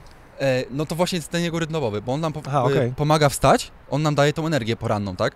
I to jest związane z tym i rytmem zewnętrznym, tak? Słońca i tak dalej, że on rano się podnosi i z tym, co wsta e, kiedy wstajemy, bo kortyzol e, zawsze po przebudzeniu pół godziny jest najwyższy, tak? Jest taka odpowiedź właśnie kortyzolu po przebudzeniu. Wtedy powinniśmy być najbardziej pobudzeni. On nam podnosi też poziom cukru we krwi, e, mobilizuje właśnie ten glikogen, żebyśmy mieli tą energię rano, tak? E, i on jest właśnie takim hormonem pobudzającym, dlatego przed snem powinien być bardzo nisko. Więc jeżeli e, przed snem pracujemy, stresujemy się, e, czy cokolwiek w sumie innego robimy, co właśnie wpływa na, no tak stresująco na nas, oto ten kortyzol jest wysoki, kortyzol blokuje wydzielanie melatoniny, jak mamy wysoki kortyzol, to melatonina się nie wydziela, no i jakość snu będzie bardzo niska. I to jest właśnie ten e, mechanizm, dlaczego i kofeina w sumie, i stymulanty, i stres, i praca, i trening przed snem zaburzają jego jakość przez wpływ na kortyzol i melatoninę. No dobra, wróćmy jeszcze na chwilę do jelit, bo chciałem temat skończyć. Co można zrobić, żeby poza odżywianiem się jakby po prostu produktami nieprzetworzonymi, e, co można zrobić od strony suplementacji, tak delikatnie podejmując temat, żeby nie wiem, czy tą florę bakteryjną jakoś poprawić, czy, czy, czy, czy odbudować te kosmki, nie wiem, co tam się dzieje, co tam można zrobić. E, temat dosyć szeroki. E, na pewno co dobrze wpływa na jelita to jest błonnik. Przede wszystkim rozpuszczalny błonnik. Błonnik rozpuszczalny występuje w warzywach i owocach. E, nierozpuszczalny w strączkach i zbożach przede wszystkim, ale owoce i warzywa dla większości osób są bardzo korzystne na jelita. Jeżeli ktoś źle się czuje po owocach i warzywach, po cebuli i tak dalej, to bardzo często ma już tą florę mocno zaburzoną i wtedy te rzeczy się eliminuje i tam już zupełnie inny jest schemat powiedzmy leczenia, którego tutaj już może nie będę dokładnie omawiał, ale w każdym razie większa ilość warzyw i owoców przeważnie jest bardzo korzystna dla, dla, dla większości osób. Oprócz tego, w zależności od tego, co, co tam się dzieje, tak? E, bo probiotyki jak najbardziej możemy tutaj sobie dorzucić, tak? One mogą być korzystne, e, chociaż one raczej tej flory nie zmieniają na stałe, tak? Czyli bierzemy te probiotyki na jakiś czas, jakieś ten środowisko w, te, w tych jelitach się zmienia, kwasowość i tak dalej, e, ale na dłuższą metę i tak musimy dbać o styl życia i, i dietę. E, oprócz tego bardzo fajnym pomysłem jest maślan sodu, to akurat bardzo dobrze przeważnie na jelita. Znowu bardzo bezpieczny produkt, który e, maślan ogólnie jest tym kwasem, który jest pożywką dla naszych jelit, tak? Więc te jelita bardzo dobrze odbudowuje, karmi tak jakby i te kostki i to wszystko, więc to jest akurat produkt przeważnie bardzo bezpieczny i dobrze tolerowany. E, Czasem sprawdza się dobrze glutamina, na przykład w postaci suplementacji i w ogóle coś, czego jestem bardzo dużym fanem, to skrobia oporna. E, Skrobia oporna jest to taki inny, trzeci rodzaj błonnika, który już, dobra, już mówiąc w skrócie, bo nie będę wszystkiego opisywał, występuje w niedojrzałych bananach przede wszystkim i na przykład w ryżu, ziemniakach i innej skrobi, którą ugotowaliśmy i schłodziliśmy, czyli gotujemy ryż, chłodzimy go i w lodówce, tak, i potem jedząc go na zimno już, już na ciepło, bo można go odgrzać. On ma jakieś tam kilka gramów tej skrobi opornej, A w mikrofali odgrzać? można też, można jak najbardziej, nie ma to jakiegoś tam znaczenia. E, ta skrobia oporna wpływa na nasze jelita najlepiej, tak, z tego co wykazują badania.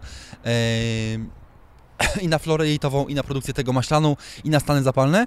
I e, jeżeli chodzi o znowu, możemy jeść po prostu ten zimny ryż i tak dalej, czy tam schłodzony ryż, ale pod względem rzeczywiście takim terapeutycznym raczej tutaj zalecana jest suplementacja e, skrobią oporną w proszku, e, w przypadku w postaci właśnie na przykład mąki z niedojrzałych bananów, bo to jest najlepsza metoda. I taka mąka z niedojrzałych bananów ze skrobią oporną bardzo dobrze jest w stanie wpłynąć na nasze jelita. E, Co ciekawe, oczywiście ta mąka, y, ta, nie- ta, nie- ta skrobia oporna występuje też w niedojrzałych bananach, czy plantanach na przykład, bo im bardziej dojrzały banan, on ma mniej skrobi opornej, a więcej cukrów prostych, e, ale występuje przede wszystkim w skórkach i są osoby, które, żeby tą skrobię oporną dostarczyć, biorą niedojrzałe banany, miksują je razem ze skórką i spożywają w postaci szejka. To też jest jak najbardziej e, Hmm. możliwą opcją. Mhm. Okej, e, zrobiliśmy sobie trening, jest wieczór, mamy czas z rodziną, odpin odpinamy się trochę od tego światła. I co, czy przed nocą coś jeszcze powinniśmy zrobić, żeby sen był jak najlepszy, jeśli dobrze ten dzień przeżyliśmy? E, Redukcja stresu, możemy poczytać książkę przy tym dobrym świetle takim czerwonym. E, jakiś czas z rodziną, ze znajomymi, ewentualnie seks, jeżeli się uda. I myślę, że to jest akurat świetna metoda, e, żeby się po prostu wyciszyć. To oczywiście też możemy zrobić A to jest inne... wysiłek fizyczny znowu, to wiesz. Ale no. to jest bardzo, bardzo taki korzystny i relaksujący raczej. Wiadomo jak to jest po, e, jak chce się spać. Możemy też wykorzystać inne metody relaksu, jak ciepła kąpiel, zimna kąpiel, to też bardzo dobrze się sprawdza. Ewentualnie jakieś spa, nie wiem, e, muzyka, jakieś olejki eteryczne, tego typu rzeczy, jak najbardziej wszystkie różne mogą tutaj wpływać. Tak samo jak na przykład e, wietrzenie być może sypialni, czy no mnóstwo, mnóstwo różnych rzeczy, masaże, taki po prostu ogólnie jakiś relaks. Myślę, że to co każdy wie, tak? Nawet spacer gdzieś tam na zewnątrz, gdzie nie jest jakoś, nie ma super sztucznego dużo oświetlenia, też bardzo często ułatwia zasypianie, tak? Gdzieś tam chodzimy sobie po, la- No po lesie. właśnie, i teraz weź znajdź, idziesz na spacer, tak, i lampy ci... Wszędzie, no e, niestety te to jest jakieś, e, już nawet nie wiem jakie, fosforowe, czy jakieś tam ci walą po oczach, więc to jest jedna kwestia. Mm, Druga, idziemy spać i tak kończąc temat biohackingowy, jak, i- jakby czy tego rytmu dobowego, no to znowu temperatura, tak, że było coraz chłodniej chyba Tak. e, w nocy w tej sypialni, mówisz Tak. wietrzyć na przykład można. Mhm. Mm, Światło czerwone i książka, to jakoś źle na oczy na przykład nie wpływa? Nie, Nie. wiesz, może o czymś takim? Z tego co wiem, nie, nie ma jakichś tutaj do, dużych problemów z tym. Dobra, no to teraz jeszcze pozostałe takie rzeczy drobne, które można robić w ciągu dnia. Ciepło, zimno. Yy, Słyszałem chyba od Ciebie właśnie, że na przykład zimą dobrze morsować, a latem na przykład dobrze na ciepło się wystawiać, nie odwrotnie. Czemu tak, a E, nie no- inaczej? Tutaj znowu, e, to jest moja taka teoria nieudowodniona jakoś Okej. naukowo, ale myślę, że jest dosyć prosta do zrozumienia. Jeżeli mamy na zewnątrz minus 20 stopni, no teraz już takie zimy rzadziej się zdarzają, e, ale jeżeli mamy minus 20, a my w tym czasie saunujemy sobie 4 razy w tygodniu w temperaturze 80 stopni, no to nasze ciało przyzwyczaja się, że ogólnie jest gorąco, tak? I ono to ciało, to ciepło jest y, lepiej oddaje tak naprawdę na zewnątrz w przypadku saunowania. Tak samo jeżeli byśmy wyszli i ogólnie jak wychodzimy po ciepłym prysznicu na zewnątrz, to jest nam przeważnie zimno, bo są otwarte pory i ciało ogólnie krąży ta krew i oddaje ciepło. Jeżeli po, wychodzimy po zimnym prysznicu, to przeważnie jest tam zaraz ciepło, bo ciało nie oddaje e, tego ciepła na zewnątrz, e, więc to jest taka adaptacja. I tak samo, jeżeli byśmy, e, chociaż tu już mniej uważam, że to ma mniejszy wpływ, ale jeżeli byśmy e, morsowali, a na zewnątrz jest 30 stopni, to nasze ciało adaptuje się, że jest zimno, tak? I brunatną tkankę tłuszczową buduje i tak dalej, i tak dalej, e, więc zachodzi pewna adaptacja, ale uważam, że najgorsze jest po prostu saunowanie, jak jest bardzo zimno, tak? Po prostu nasze ciało odzwyczajamy od tego, tak? Więc wtedy morsowanie, ekspozycja na zimno, nawet, nawet te spacery w zimnie, czy cokolwiek, czy zimne prysznice, słońce wspierają adaptację naszego organizmu do zimna, bo my siedzimy, mimo że jest minus 20, to my siedzimy cały czas w klimatyzowanym biurze, pomieszczeniu,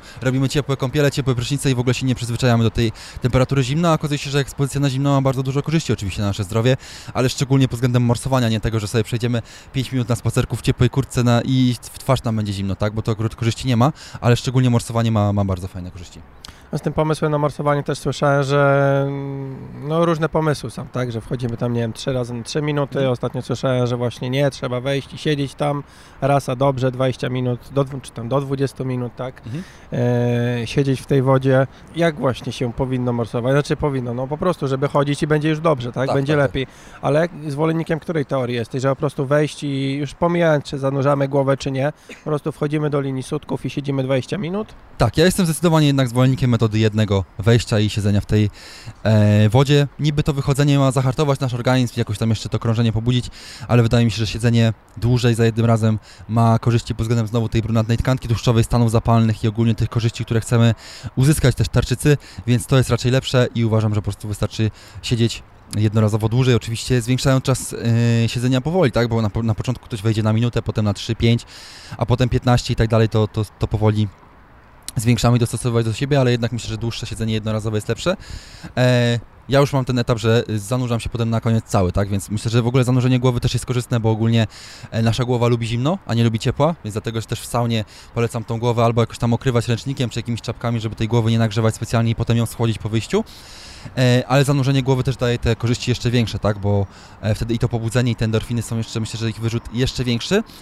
Oczywiście problem jest, jeżeli morsujemy i zanurzymy ręce, potem może być problem z ubraniem się i tak dalej, więc dla osób początkujących naprawdę tego bym nie polecał, bo tam zanurzenie rąk, oprócz tego no bolą często te ręce, tak, ale problem jest po prostu z wyjściem z tej wody, zmienieniem ciuchów i tak dalej, bo te ręce są po prostu, e, nie czujemy w ogóle tych palców, tak, więc to jest, to jest problem. Okej, a nie ma problemu wtedy, jeśli siedzimy tak długo w wodzie, tak, no to to zimno jakby dochodzi coraz głębiej i głębiej do jakichś e, bebechów naszych. Czy Mhm. to jest dobre, czy to jest złe? Znaczy my właśnie chcemy wychłodzić ten organizm, oczywiście przede wszystkim tą tkankę tłuszczową i te zewnętrzne takie jakby e, części ciała, ale znowu i to krążenie i wszystko jest na tyle zmienione i reakcja serca, że właśnie to są te zmiany korzystne. Problemem oczywiście będzie znowu dawka czyni truciznę, przesadzenie z ilością, z czasem morsowania. E, poleca się morsować ogólnie tak, że wchodzimy, oczywiście są drgawki na początku, to jest normalne.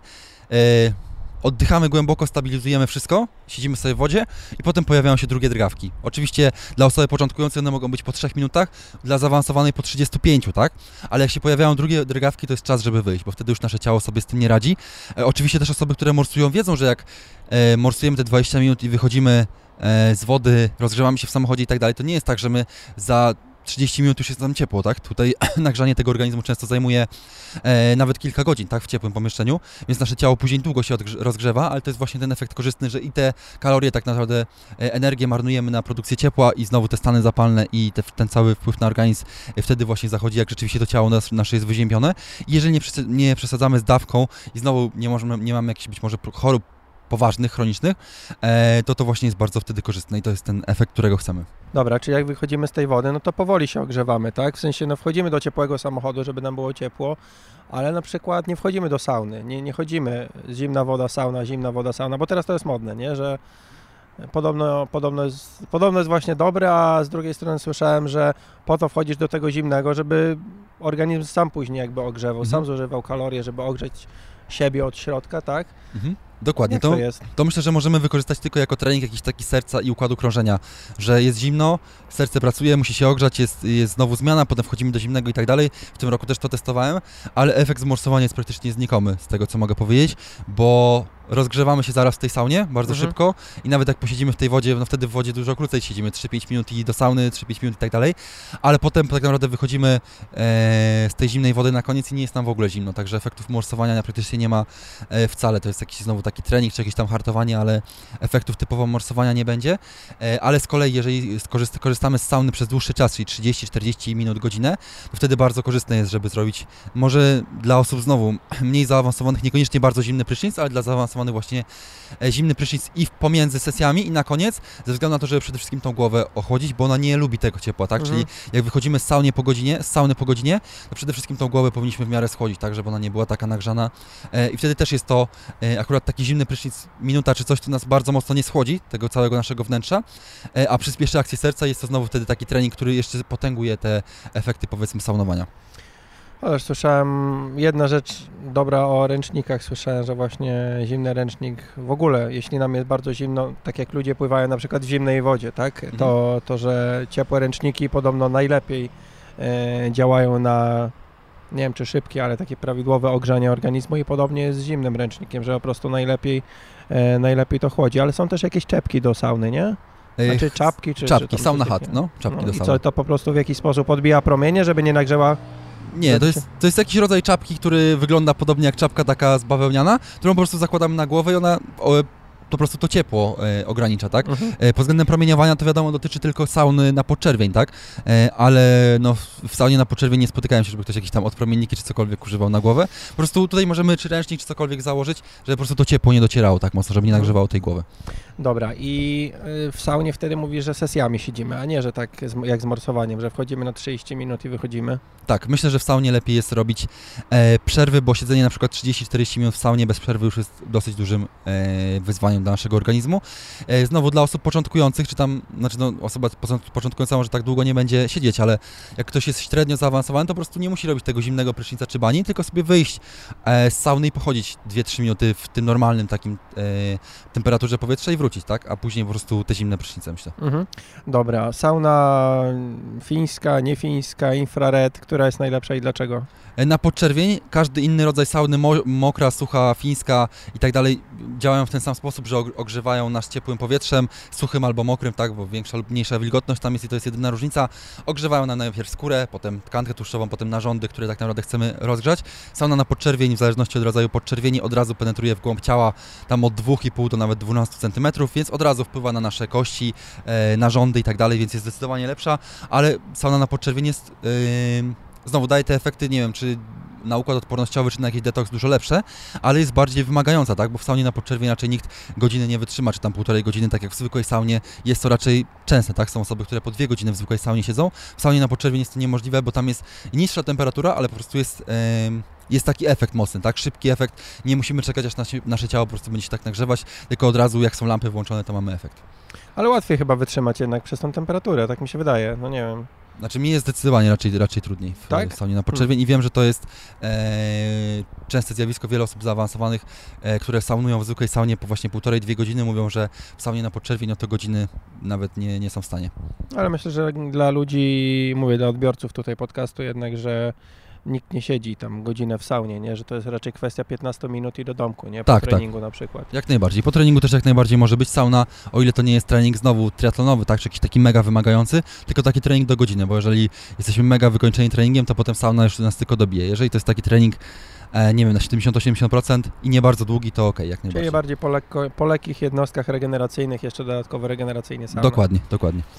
Y, Dobrze, a jeśli chodzi o zimno, y, po mocnych jednostkach z kolei, mm, rozgrywamy mocno ciało i pakujemy się, wiesz, do wody z lodem. Y, Moim coś- zdaniem nie. Moim zdaniem nie powinniśmy tego to robić. znowu stresor kolejny, nie? Tak, to i tutaj raczej nie na regenerację to nie wpłynie dobrze. Myślę, że wtedy morsowanie czy kąpiele zimne e, rezerwujemy sobie na dni albo nietreningowe, albo w ogóle zupełnie inne pory, tak? Czyli nie wiem, rano robimy kąpiel, a wieczorem trening, albo wieczorem kąpiel, wieczorem kąpiel, rano trening, tak? A Mhm. nie jedno po drugim. Sauna infrared w ogóle to jest coś, co można kupić sobie do domu, tak, nie? tak, tak, tak. I taka zwykła sauna, to nie wiem ile to kosztuje, 3000 czy ileś, to można sobie to faktycznie wstawić w domu, odpala się lampę i wchodzi się i jest git? Tak, dokładnie. I są bardzo różne rodzaje w ogóle sauny na podczerwień do kupienia, bo są takie na przykład e, taki jakby kombinezon to jest, w którym siedzisz bez głowy i to już jest sauna na podczerwień, taki naj, najtańszy model przenośny powiedzmy. No i są różne firmy właśnie w Stanach, które po prostu e, w mieszkaniu czy na zewnątrz e, budują ci tą saunę, tak? Oni mają wszystkie ten, e, przyjeżdżają z tymi składnikami i na jedną czy dwie osoby taką saunę, czy nawet na trzy, bo to zależy w sumie jaką chcesz. E, oni ci to budują na miejscu i jak najbardziej to wszystko działa, jest, jest super. No i pro, e, tutaj jest taki plus tego, że nie korzystają z tego osoby inne, bo jeżeli korzystamy z sauny e, publicznej, to wiadomo, że na tych deskach jest czyjś pot i czyjeś toksyny, więc my tego nie powinniśmy dotykać, powinniśmy to wszystko ręcznikiem odgrodzić, leżeć na ręczniku, siedzieć, czy stopy też mieć na ręczniku, żeby nie wchłaniać tych toksyn czyjś, tak? A jeżeli mamy swoją, to możemy ją sobie wyczyścić, możemy, wiadomo, że tylko swoje zarazki no, no. jakby wchłaniamy. Mhm. A o co chodzi z nagrzewaniem sauny? Bo na przykład jak się, nie wiem, w jakichś hotelach ym, rezerwuje, że o 15 będę chciał iść na saunę, no to okej, to oni o 14 tam, nie wiem, Mhm. 40 ją odpalają. O co chodzi z tym nagrzewaniem? Czy, nie wiem, w warunkach domowych na przykład odpalasz i po 15 minutach wchodzisz, czy, czy jak to działa? Bo normalnie sauna, jeżeli nie jest włączona, to ona ma temperaturę tak, po, po powietrza, tak? No, no. 20 stopni, więc e, w zależności od tego, jaki to jest rodzaj sauny, tak? Bo na podczerwień to po prostu trzeba włączyć lampy i ona będzie się nagrzewać jakiś tam czas, a nie wiem, są takie sauny, że trzeba na przykład napalić w kominku, tak? I wtedy Mhm. one będą się nagrzewać, albo włączyć jakiś tam prąd, czy cokolwiek, w jakikolwiek sposób to jest e, nagrzewane, więc rzeczywiście po prostu trzeba czekać, żeby ta temperatura jakaś tam osiągnęła swój e, ten cel. E, jeżeli to jest jeszcze sauna mokra, no to wtedy trzeba i te kamienie polać i tą wilgotność też zwiększyć, więc Nie, ale to... przyczepmy się do tej infra, inf, do tej na podczerwień, tak? E, bo na przykład też jest kwestia, że no, wchodzimy, jest ciepło, ale na przykład no, lampy nagrzały, że jest ciepło, znaczy lampy, no te, nie wiem jak to nazwać, no lampy Lampy, lampy, tak, tam. E, nagrzały, jest ciepło, ale lampy są wyłączone, tak? Więc Mhm. wchodzi, wchodzimy do tej temperatury, która nie jest za wysoka. E, promienie nas nie działają bezpośrednio, bo lampy są wyłączone i właściwie nie mamy żadnych efektów pozytywnych, jeśli chodzi o to saunowanie. Tak, bo sauna na podczerwień działa tylko wtedy, kiedy lampy są włączone, ale przeważnie to działa tak, że lampy są włączone na kilka minut i potem jest przerwa. Włączone i przerwa. To nie, raczej nie jest, e, z tego co nie spotkałem się tak, żeby były cały czas włączone, że cały czas lampy są włączone, to są takie interwały. No właśnie, ale jeśli siedzimy tam, nie wiem, 10-15 minut, to się załapiemy chyba na jakieś tam in, Tak. parę interwałów, nie? Tak, no na przykład u mnie e, na mojej saunie jest to 10 minut wyłączone, 5 włączone. Taki jest e, Mhm. interwał. Mhm. No to siedząc 10 minut mamy szansę, że w ogóle się nie załapiemy. Tak, no właśnie, możemy wejść zaraz po, po czuć, bo ja w ogóle mam, nie wiem, dwa razy byłem w infrared i jakby nie, nie specjalnie się skupiałem nad tym, żeby jakieś odczucia mieć. To czuć, jeśli są włączone? Oj, zdecydowanie, to Tak? jest w ogóle, e, to jest tak, że jeżeli ta, bo znowu, na tej, która, na którą ja chodzę, temperatura jest od 55 do 60 stopni, tam jak są włączone lampy to jest 60, jak wyłączone to spada do 55 i jak sobie siedzę, jak jest wyłączone są te lampy, to w ogóle relaks, nic się nie dzieje. Mhm. Ale jak się lampy włączają, od razu czuć, jest, robi się tak gorąco i no czuć takie obciążenie, tak? I to jest tak właśnie, że e, trzy sesje lamp to jest absolutne maksimum, jakie jestem w stanie wytrzymać, bo już po prostu potem, no, umieram tak naprawdę, tak? Więc zdecydowanie to czuć. I tak samo wszystkie osoby, które są właśnie w saunie, e, jak się te lampy włączają, to często po prostu no, już nie dają rady po minucie, po dwóch, bo po prostu wtedy jest ten, ten efekt. Jest to bardzo, bardzo mocno odczuwalne. Dobra, tak jak mówiłem, już trochę czasu minęło, więc pewne tematy ucinamy. E, chciałem popowiadać, e, po, znaczy podpytać właściwie o badania krwi, ale wtedy już odeślemy na Twoją stronę, o której zaraz opowiesz. Jakie badania krwi e, według Ciebie warto robić i nie wiem, ktoś może podpytać wtedy dlaczego. Natomiast chciałem podpytać o ten najważniejszy dla wszystkich najważniejszą dla wszystkich rzecz, czyli co brać. znaczy generalnie właśnie jeśli chodzi o ten biohacking, ale znowu ro, rozróżnijmy, nawet nie chciałbym o tych neotropikach mówić, bo nie wiem, bez sensu dla mnie. Jest to temat, yy, ale takie rzeczy, nie wiem, prozdrowotne faktycznie, co, co byś polecał, tylko znowu, no, no zależy co komu dolega, tak, czy może komu coś, komuś coś nie dolega, ale takie rzeczy, które, nie wiem, mm, proponujesz wszystkim, czy to na stałe, czy to w jakiejś takiej kuracji przerywanej, Mhm. Jakie rzeczy są takie fajne, które można sobie brać cały czas albo z przerwami? No, temat bardzo, bardzo szeroki znowu. No, bardzo często witamina D3 jest niedoborowa, więc to przeważnie... e, Cały rok? Dla większości przypadków raczej tak, ewentualnie e, idealnie było po prostu zbadać poziom witaminy D3, jak, jak jest niski to e, suplementujemy, jak latem rzeczywiście nam się podnosi bez suplementacji to nie musimy, bo oczywiście witamina D3 jest produkowana na słońcu e, i tak naprawdę z innych witamin i minerałów to raczej bym nic tutaj nie polecił tak każdemu, bo to już zależy czy ktoś ma niedobory, czy się czuje, jak się odżywia, jaki ma stres i tak dalej, ale wszystko inne praktycznie jesteśmy w stanie z diety dostarczyć, czy to magnez, A- czy potas, czy, czy sód a, a, i tak a dalej. żelazo na przykład dla tych, wiesz, wytrzymałościowych?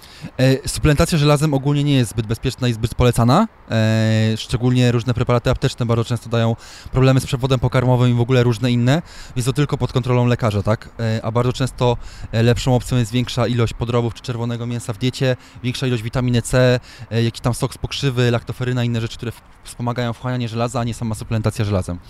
E, a tak to jeszcze z takich rzeczy, które mógłbym polecić na stałe, to jest Bacopa Monieri i Gotukola. E, to są takie adaptogeny, które działają bardzo dobrze na strukturę i pracę mózgu bardzo długofalowo, bo je trzeba brać minimum 8 tygodni, żeby były efekty. E, jest to coś, co biorę stale i to bym akurat bardzo polecił tak naprawdę dla każdego. W sumie mógłbym polecić też kreatynę, na przykład też dla każdego, bo jest bardzo zdrowa pod względem i pracy mózgu, i różnych narządów, i w ogóle metylacji neurotransmiterów, samopoczucia nastroju. Monohydrat zwykły, tak? Tak, monohydrat zwykły, 3 do 5 gramów tak naprawdę codziennie, nie ma tutaj jakichś udziwnień, ani, ani ładowania i tak dalej, nie ma tej potrzeby. E, to by były w sumie główne rzeczy, bo jakieś tam uzupełnianie niedobo- niedoborów, czy e, stosowanie jakichś nootropików to już będzie indywidualne, tak? Czy Mhm. ktoś e, lubi Lions Mane, czy, czy być może jakieś inne rzeczy, to można jakoś tam w jakichś tam konkretnych przypadkach stosować. Ale nie jest to konieczne i, e, i nie dla każdego, tak? To też i tak i nootropiki i różne suplementy to też pewnie, znaczy w większości przypadków trzeba spróbować na sobie, bo na mnie ashwagandha będzie działać super, a na ciebie w ogóle i to jest jak najbardziej też Mhm. bardzo częsty efekt. Tak samo z każdym innym adaptogenem, ale właśnie tego Tukola i Bakopa to są te moje ulubione, które bardzo, bardzo polecam tak naprawdę e, wszelkim osobom i kreatyna też jak najbardziej. E, Czy są, no w ogóle a propos witaminy D, bo mówisz, że na przykład latem można y, odstawić i tak dalej, witamina D3, znaczy badanie z krwi witaminy D3 to chyba było najdroższe badanie, które miałem na liście, bo tam chyba stówę zapłaciłem. No możliwe, no jest, jest to dosyć drogie badanie, e, niestety. A jeśli chodzi o kreatynę, możemy jakoś zbadać, nie wiem, jakiś poziom kreatyniny czy czegoś, co może, czy, znaczy, czy jakieś badanie może nam powiedzieć, że jednak nie powinniśmy tej kreatyny brać, bo coś mamy za wysoko? Znaczy, y, kreatynina jest takim rozpadem, y, efektem rozpadu i mięśni. W ogóle tutaj też kreatynina będzie podniesiona, jak ktoś jest po treningu.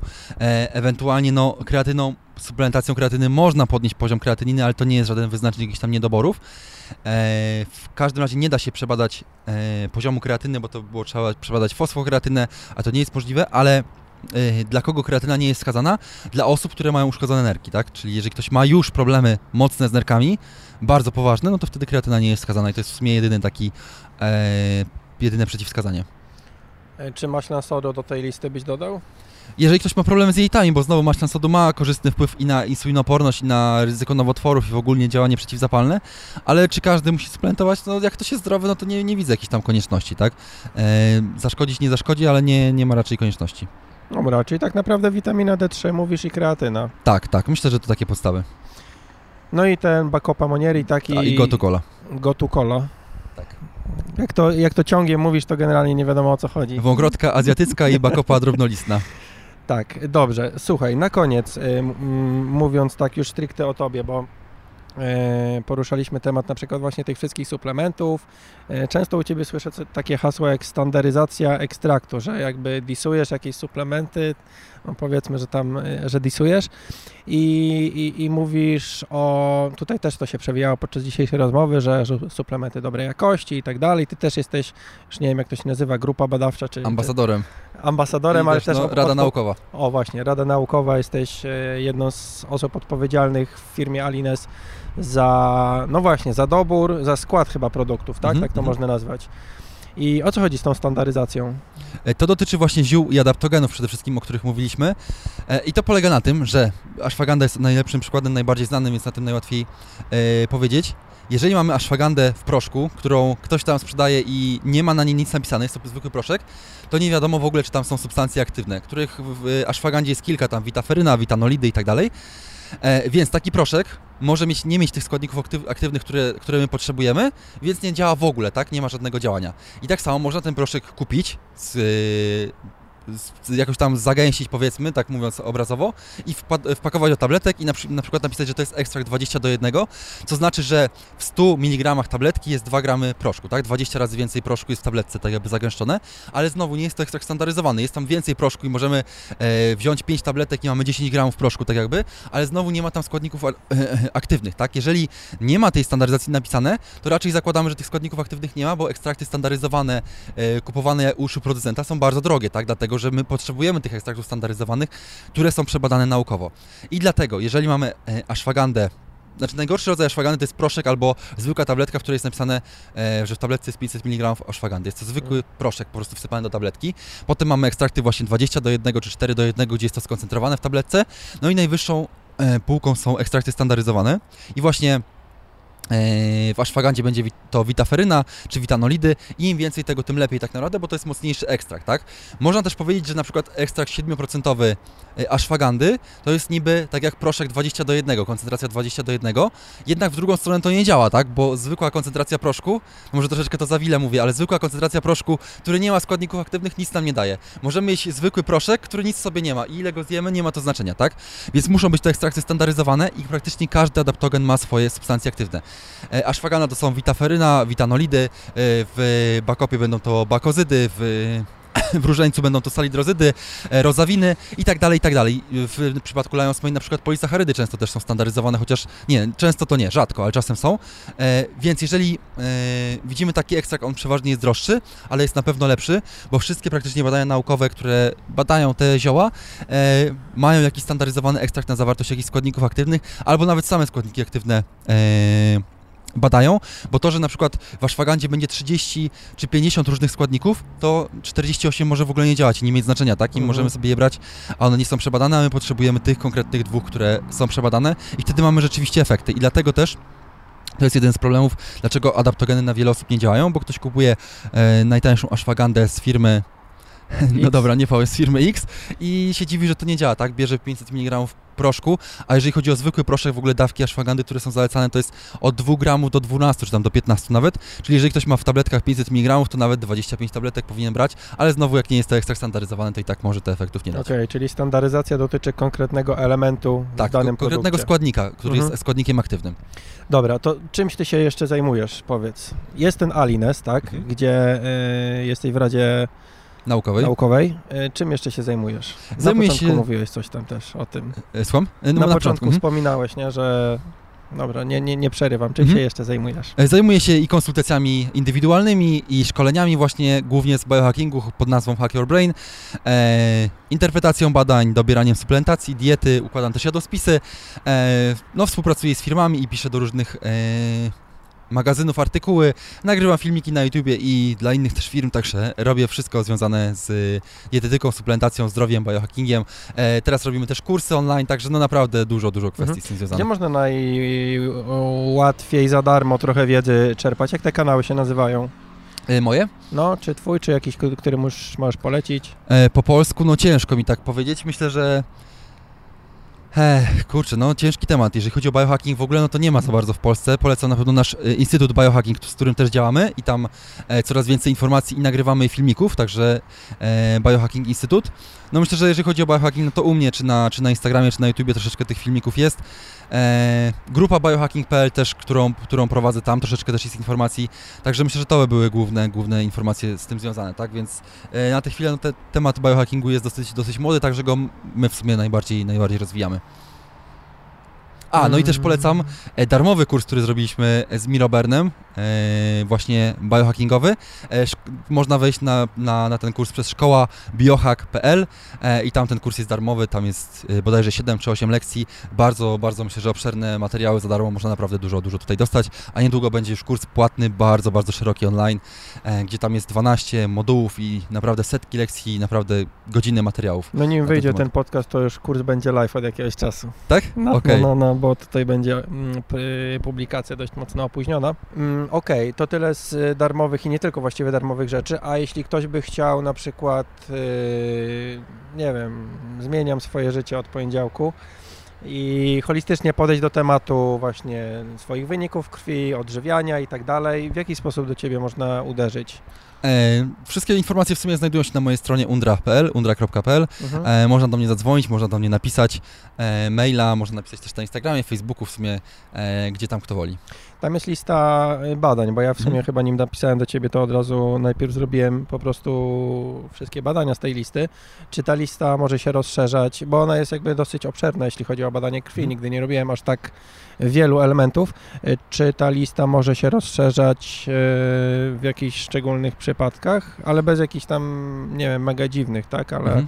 nie wiem, są jakieś przykłady, że, że jakieś dodatkowe rzeczy zalecasz? Zdecydowanie. Tutaj myślę, że to, ta, ta, ta też baza badań już do, do czasu publikacji będzie trochę z, y, zaktualizowana, y, ale w każdym razie jak najbardziej, bo jeżeli ktoś ma chociażby problemy e, jelitowe poważne, no to będziemy badać e, kał na przykład tam na markery stanu zapalnego, jak białko M2PK czy alfa-antitrypsyna, która dla standardowej osoby nie ma dużego znaczenia. E, tak samo, nie wiem, jak ktoś ma, e, no w sumie z czym może mieć problem? Z hormonami, tak? U kobiet na przykład to badamy e, hormony w konkretnym cyklu, tak? Jeżeli ktoś ma problemy z testosteronem, to badamy wtedy u mężczyzn FSH, LH, estrogen, prolaktynę, e, więc tutaj tych badań naprawdę w ogóle zakres badań jest ogromny, tak? Być może jakieś infekcje trzeba przebadać, być może ktoś się źle czuje, e, być może hemoglobinę glikowaną, jak ktoś ma problemy z poziomem cukru we krwi, także no zależy to naprawdę Okej. po prostu od objawów. Ja często też po prostu wy, dobieram wyniki na podstawie, na podstawie ankiety i objawów, tak? Czyli jeżeli ktoś komuś e, coś dolega i też ma ograniczony budżet, to robimy podstawowe najbardziej, najbardziej badania te potrzebne dla tej osoby i potem jak coś jeszcze wyjdzie nam nie tak, no to, no to badamy dalej, tak, żeby po prostu tam Dobra, to. jednak najpierw lepiej napisać, skontaktować się, a Myślę, później że dopiero pójść Zdecydowanie robić. najlepiej, tak, bo wtedy też jak najbardziej mogę e, powiedzieć, czy mogę pomóc, jak mogę pomóc, co możemy zrobić i tak dalej, także no tutaj kontakt jak najbardziej ze mną jest bardzo, Mhm. myślę, łatwy i odpowiedni także. Mm, Dobra, to wtedy tyle na dzisiaj. Mega dużo wiedzy. Myślę, że każdy coś tam dla siebie z tego wyłowi. Wielkie dzięki za rozmowę. Dziękuję bardzo, miło było. Mega dzięki, słuchajcie, mega dzięki za odsłuchanie już kolejnej kropki na dem. To był odcinek, niech no tylko sprawdzę, odcinek 80. Także bardzo dziękuję dla tych, którzy dopiero trafili na moje tutaj wypociny, na moje materiały, jak i no dla tych, którzy są ze mną gdzieś tam od kilkunastu, kilkudziesięciu odcinków, może od samego początku, bo wiem, że takie osoby są. Mega pozdro. E, Podziękować również chciałem e, Michałowi za, za podzielenie się tą wiedzą. E, Michała polecam śledzić, na przykład jego głównym, tak jak mówił w- rozmowie, jakby em, polem do komunikacji z ludźmi, do dzielenia się swoją wiedzą jest jego Instagram. Linki będą w notatkach do tego odcinka, więc mega zapraszam na ironfactory.pl łamany na 080 i no i cóż, e, oczywiście bardzo dziękuję Michałowi. E, dziękuję też Wam, że, czy Tobie, że dotarłeś, tudzież dotarłaś do tego miejsca, kropki nad M. Bardzo mnie to cieszy, jeśli ktoś no, słucha do samego końca tych materiałów, bo wiem, że no, nie są to takie skoczki, które skaczą z materiału na materiał, tylko wysłuchują coś od początku do końca. To jest super miłe też dla twórcy. Myślę, że każdy się zgodzi, że fajnie jak się coś kogoś ogląda do końca. Bardzo również zapraszam na swojego Instagrama. Nie jest on tak merytoryczny jak Instagram Michała Undry, natomiast jest taki bardziej no, luźny, bym to nazwał. Mam nadzieję, że czasami gdzieś tam ktoś się uśmieje, ktoś się uśmiechnie, jak, em, jak go ogląda. Nie wrzucam też tak dużo tam jak Michał, więc ogląda się go e, szybciej, że tak powiem. E, Więc tak, jedna rzecz to Instagram, ale zapraszam również na ironfactor.pl do zapisania się na listę na newsletter, gdzie wysyłam raz na miesiąc, raz na dwa tygodnie informacje jakieś odnośnie tego, że coś pojawiło się nowego na blogu.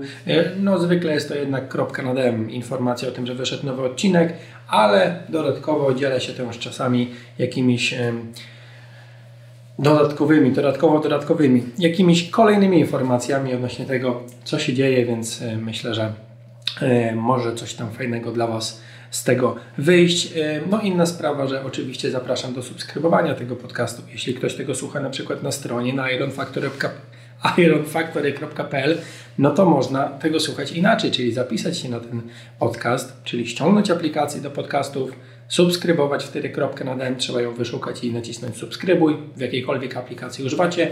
No i wtedy jak nowe odcinki będą wychodziły, to od razu tuż po publikacji ten nowy odcinek wskoczy Wam do telefonu i będziecie, i będziecie czy będziesz mógł sobie tego od razu posłuchać.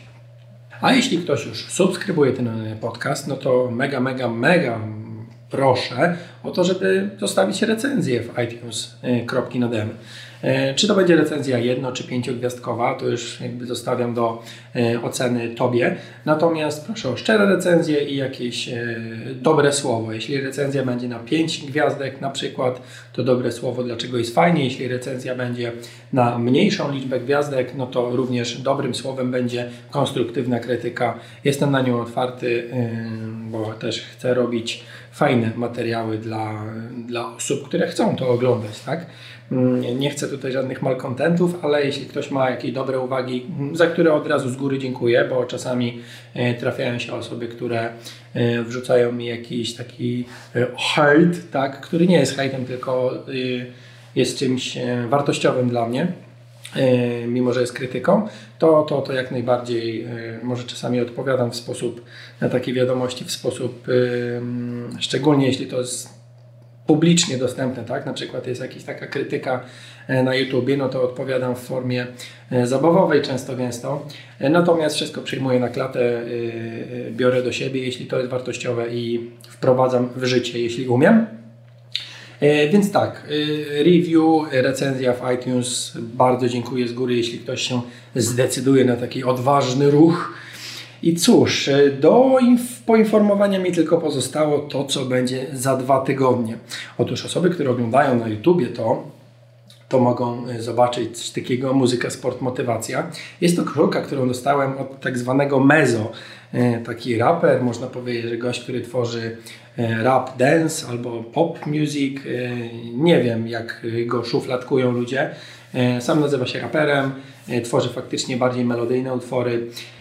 Tę koszulkę dał mi osobiście, gdy byłem u niego w domu i nagrywaliśmy właśnie ten następny odcinek Kropki na który ukaże się za dwa tygodnie. Tak jak można powiedzieć, zobaczyć lub się domyśleć, nagrywałem to jakiś czas temu, ponieważ tę koszulkę mam już na sobie, odcinek jeszcze nie jest live.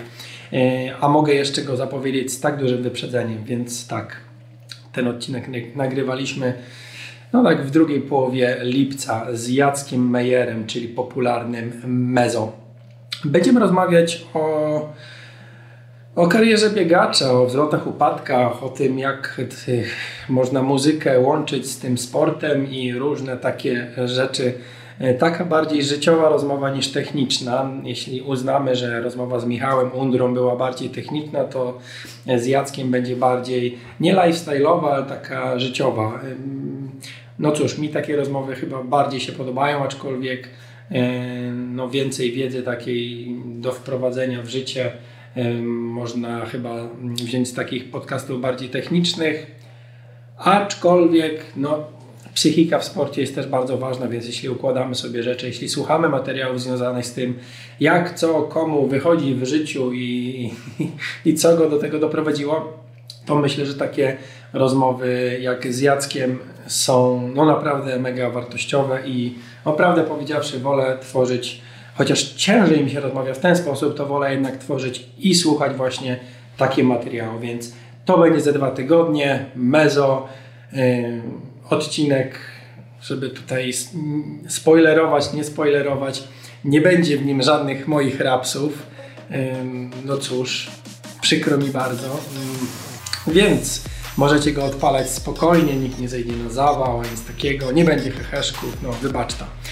E, więc tak, za dwa tygodnie Jacek Meyer, Mezo, a na dzień dzisiaj się żegnam. Pozdro i nara!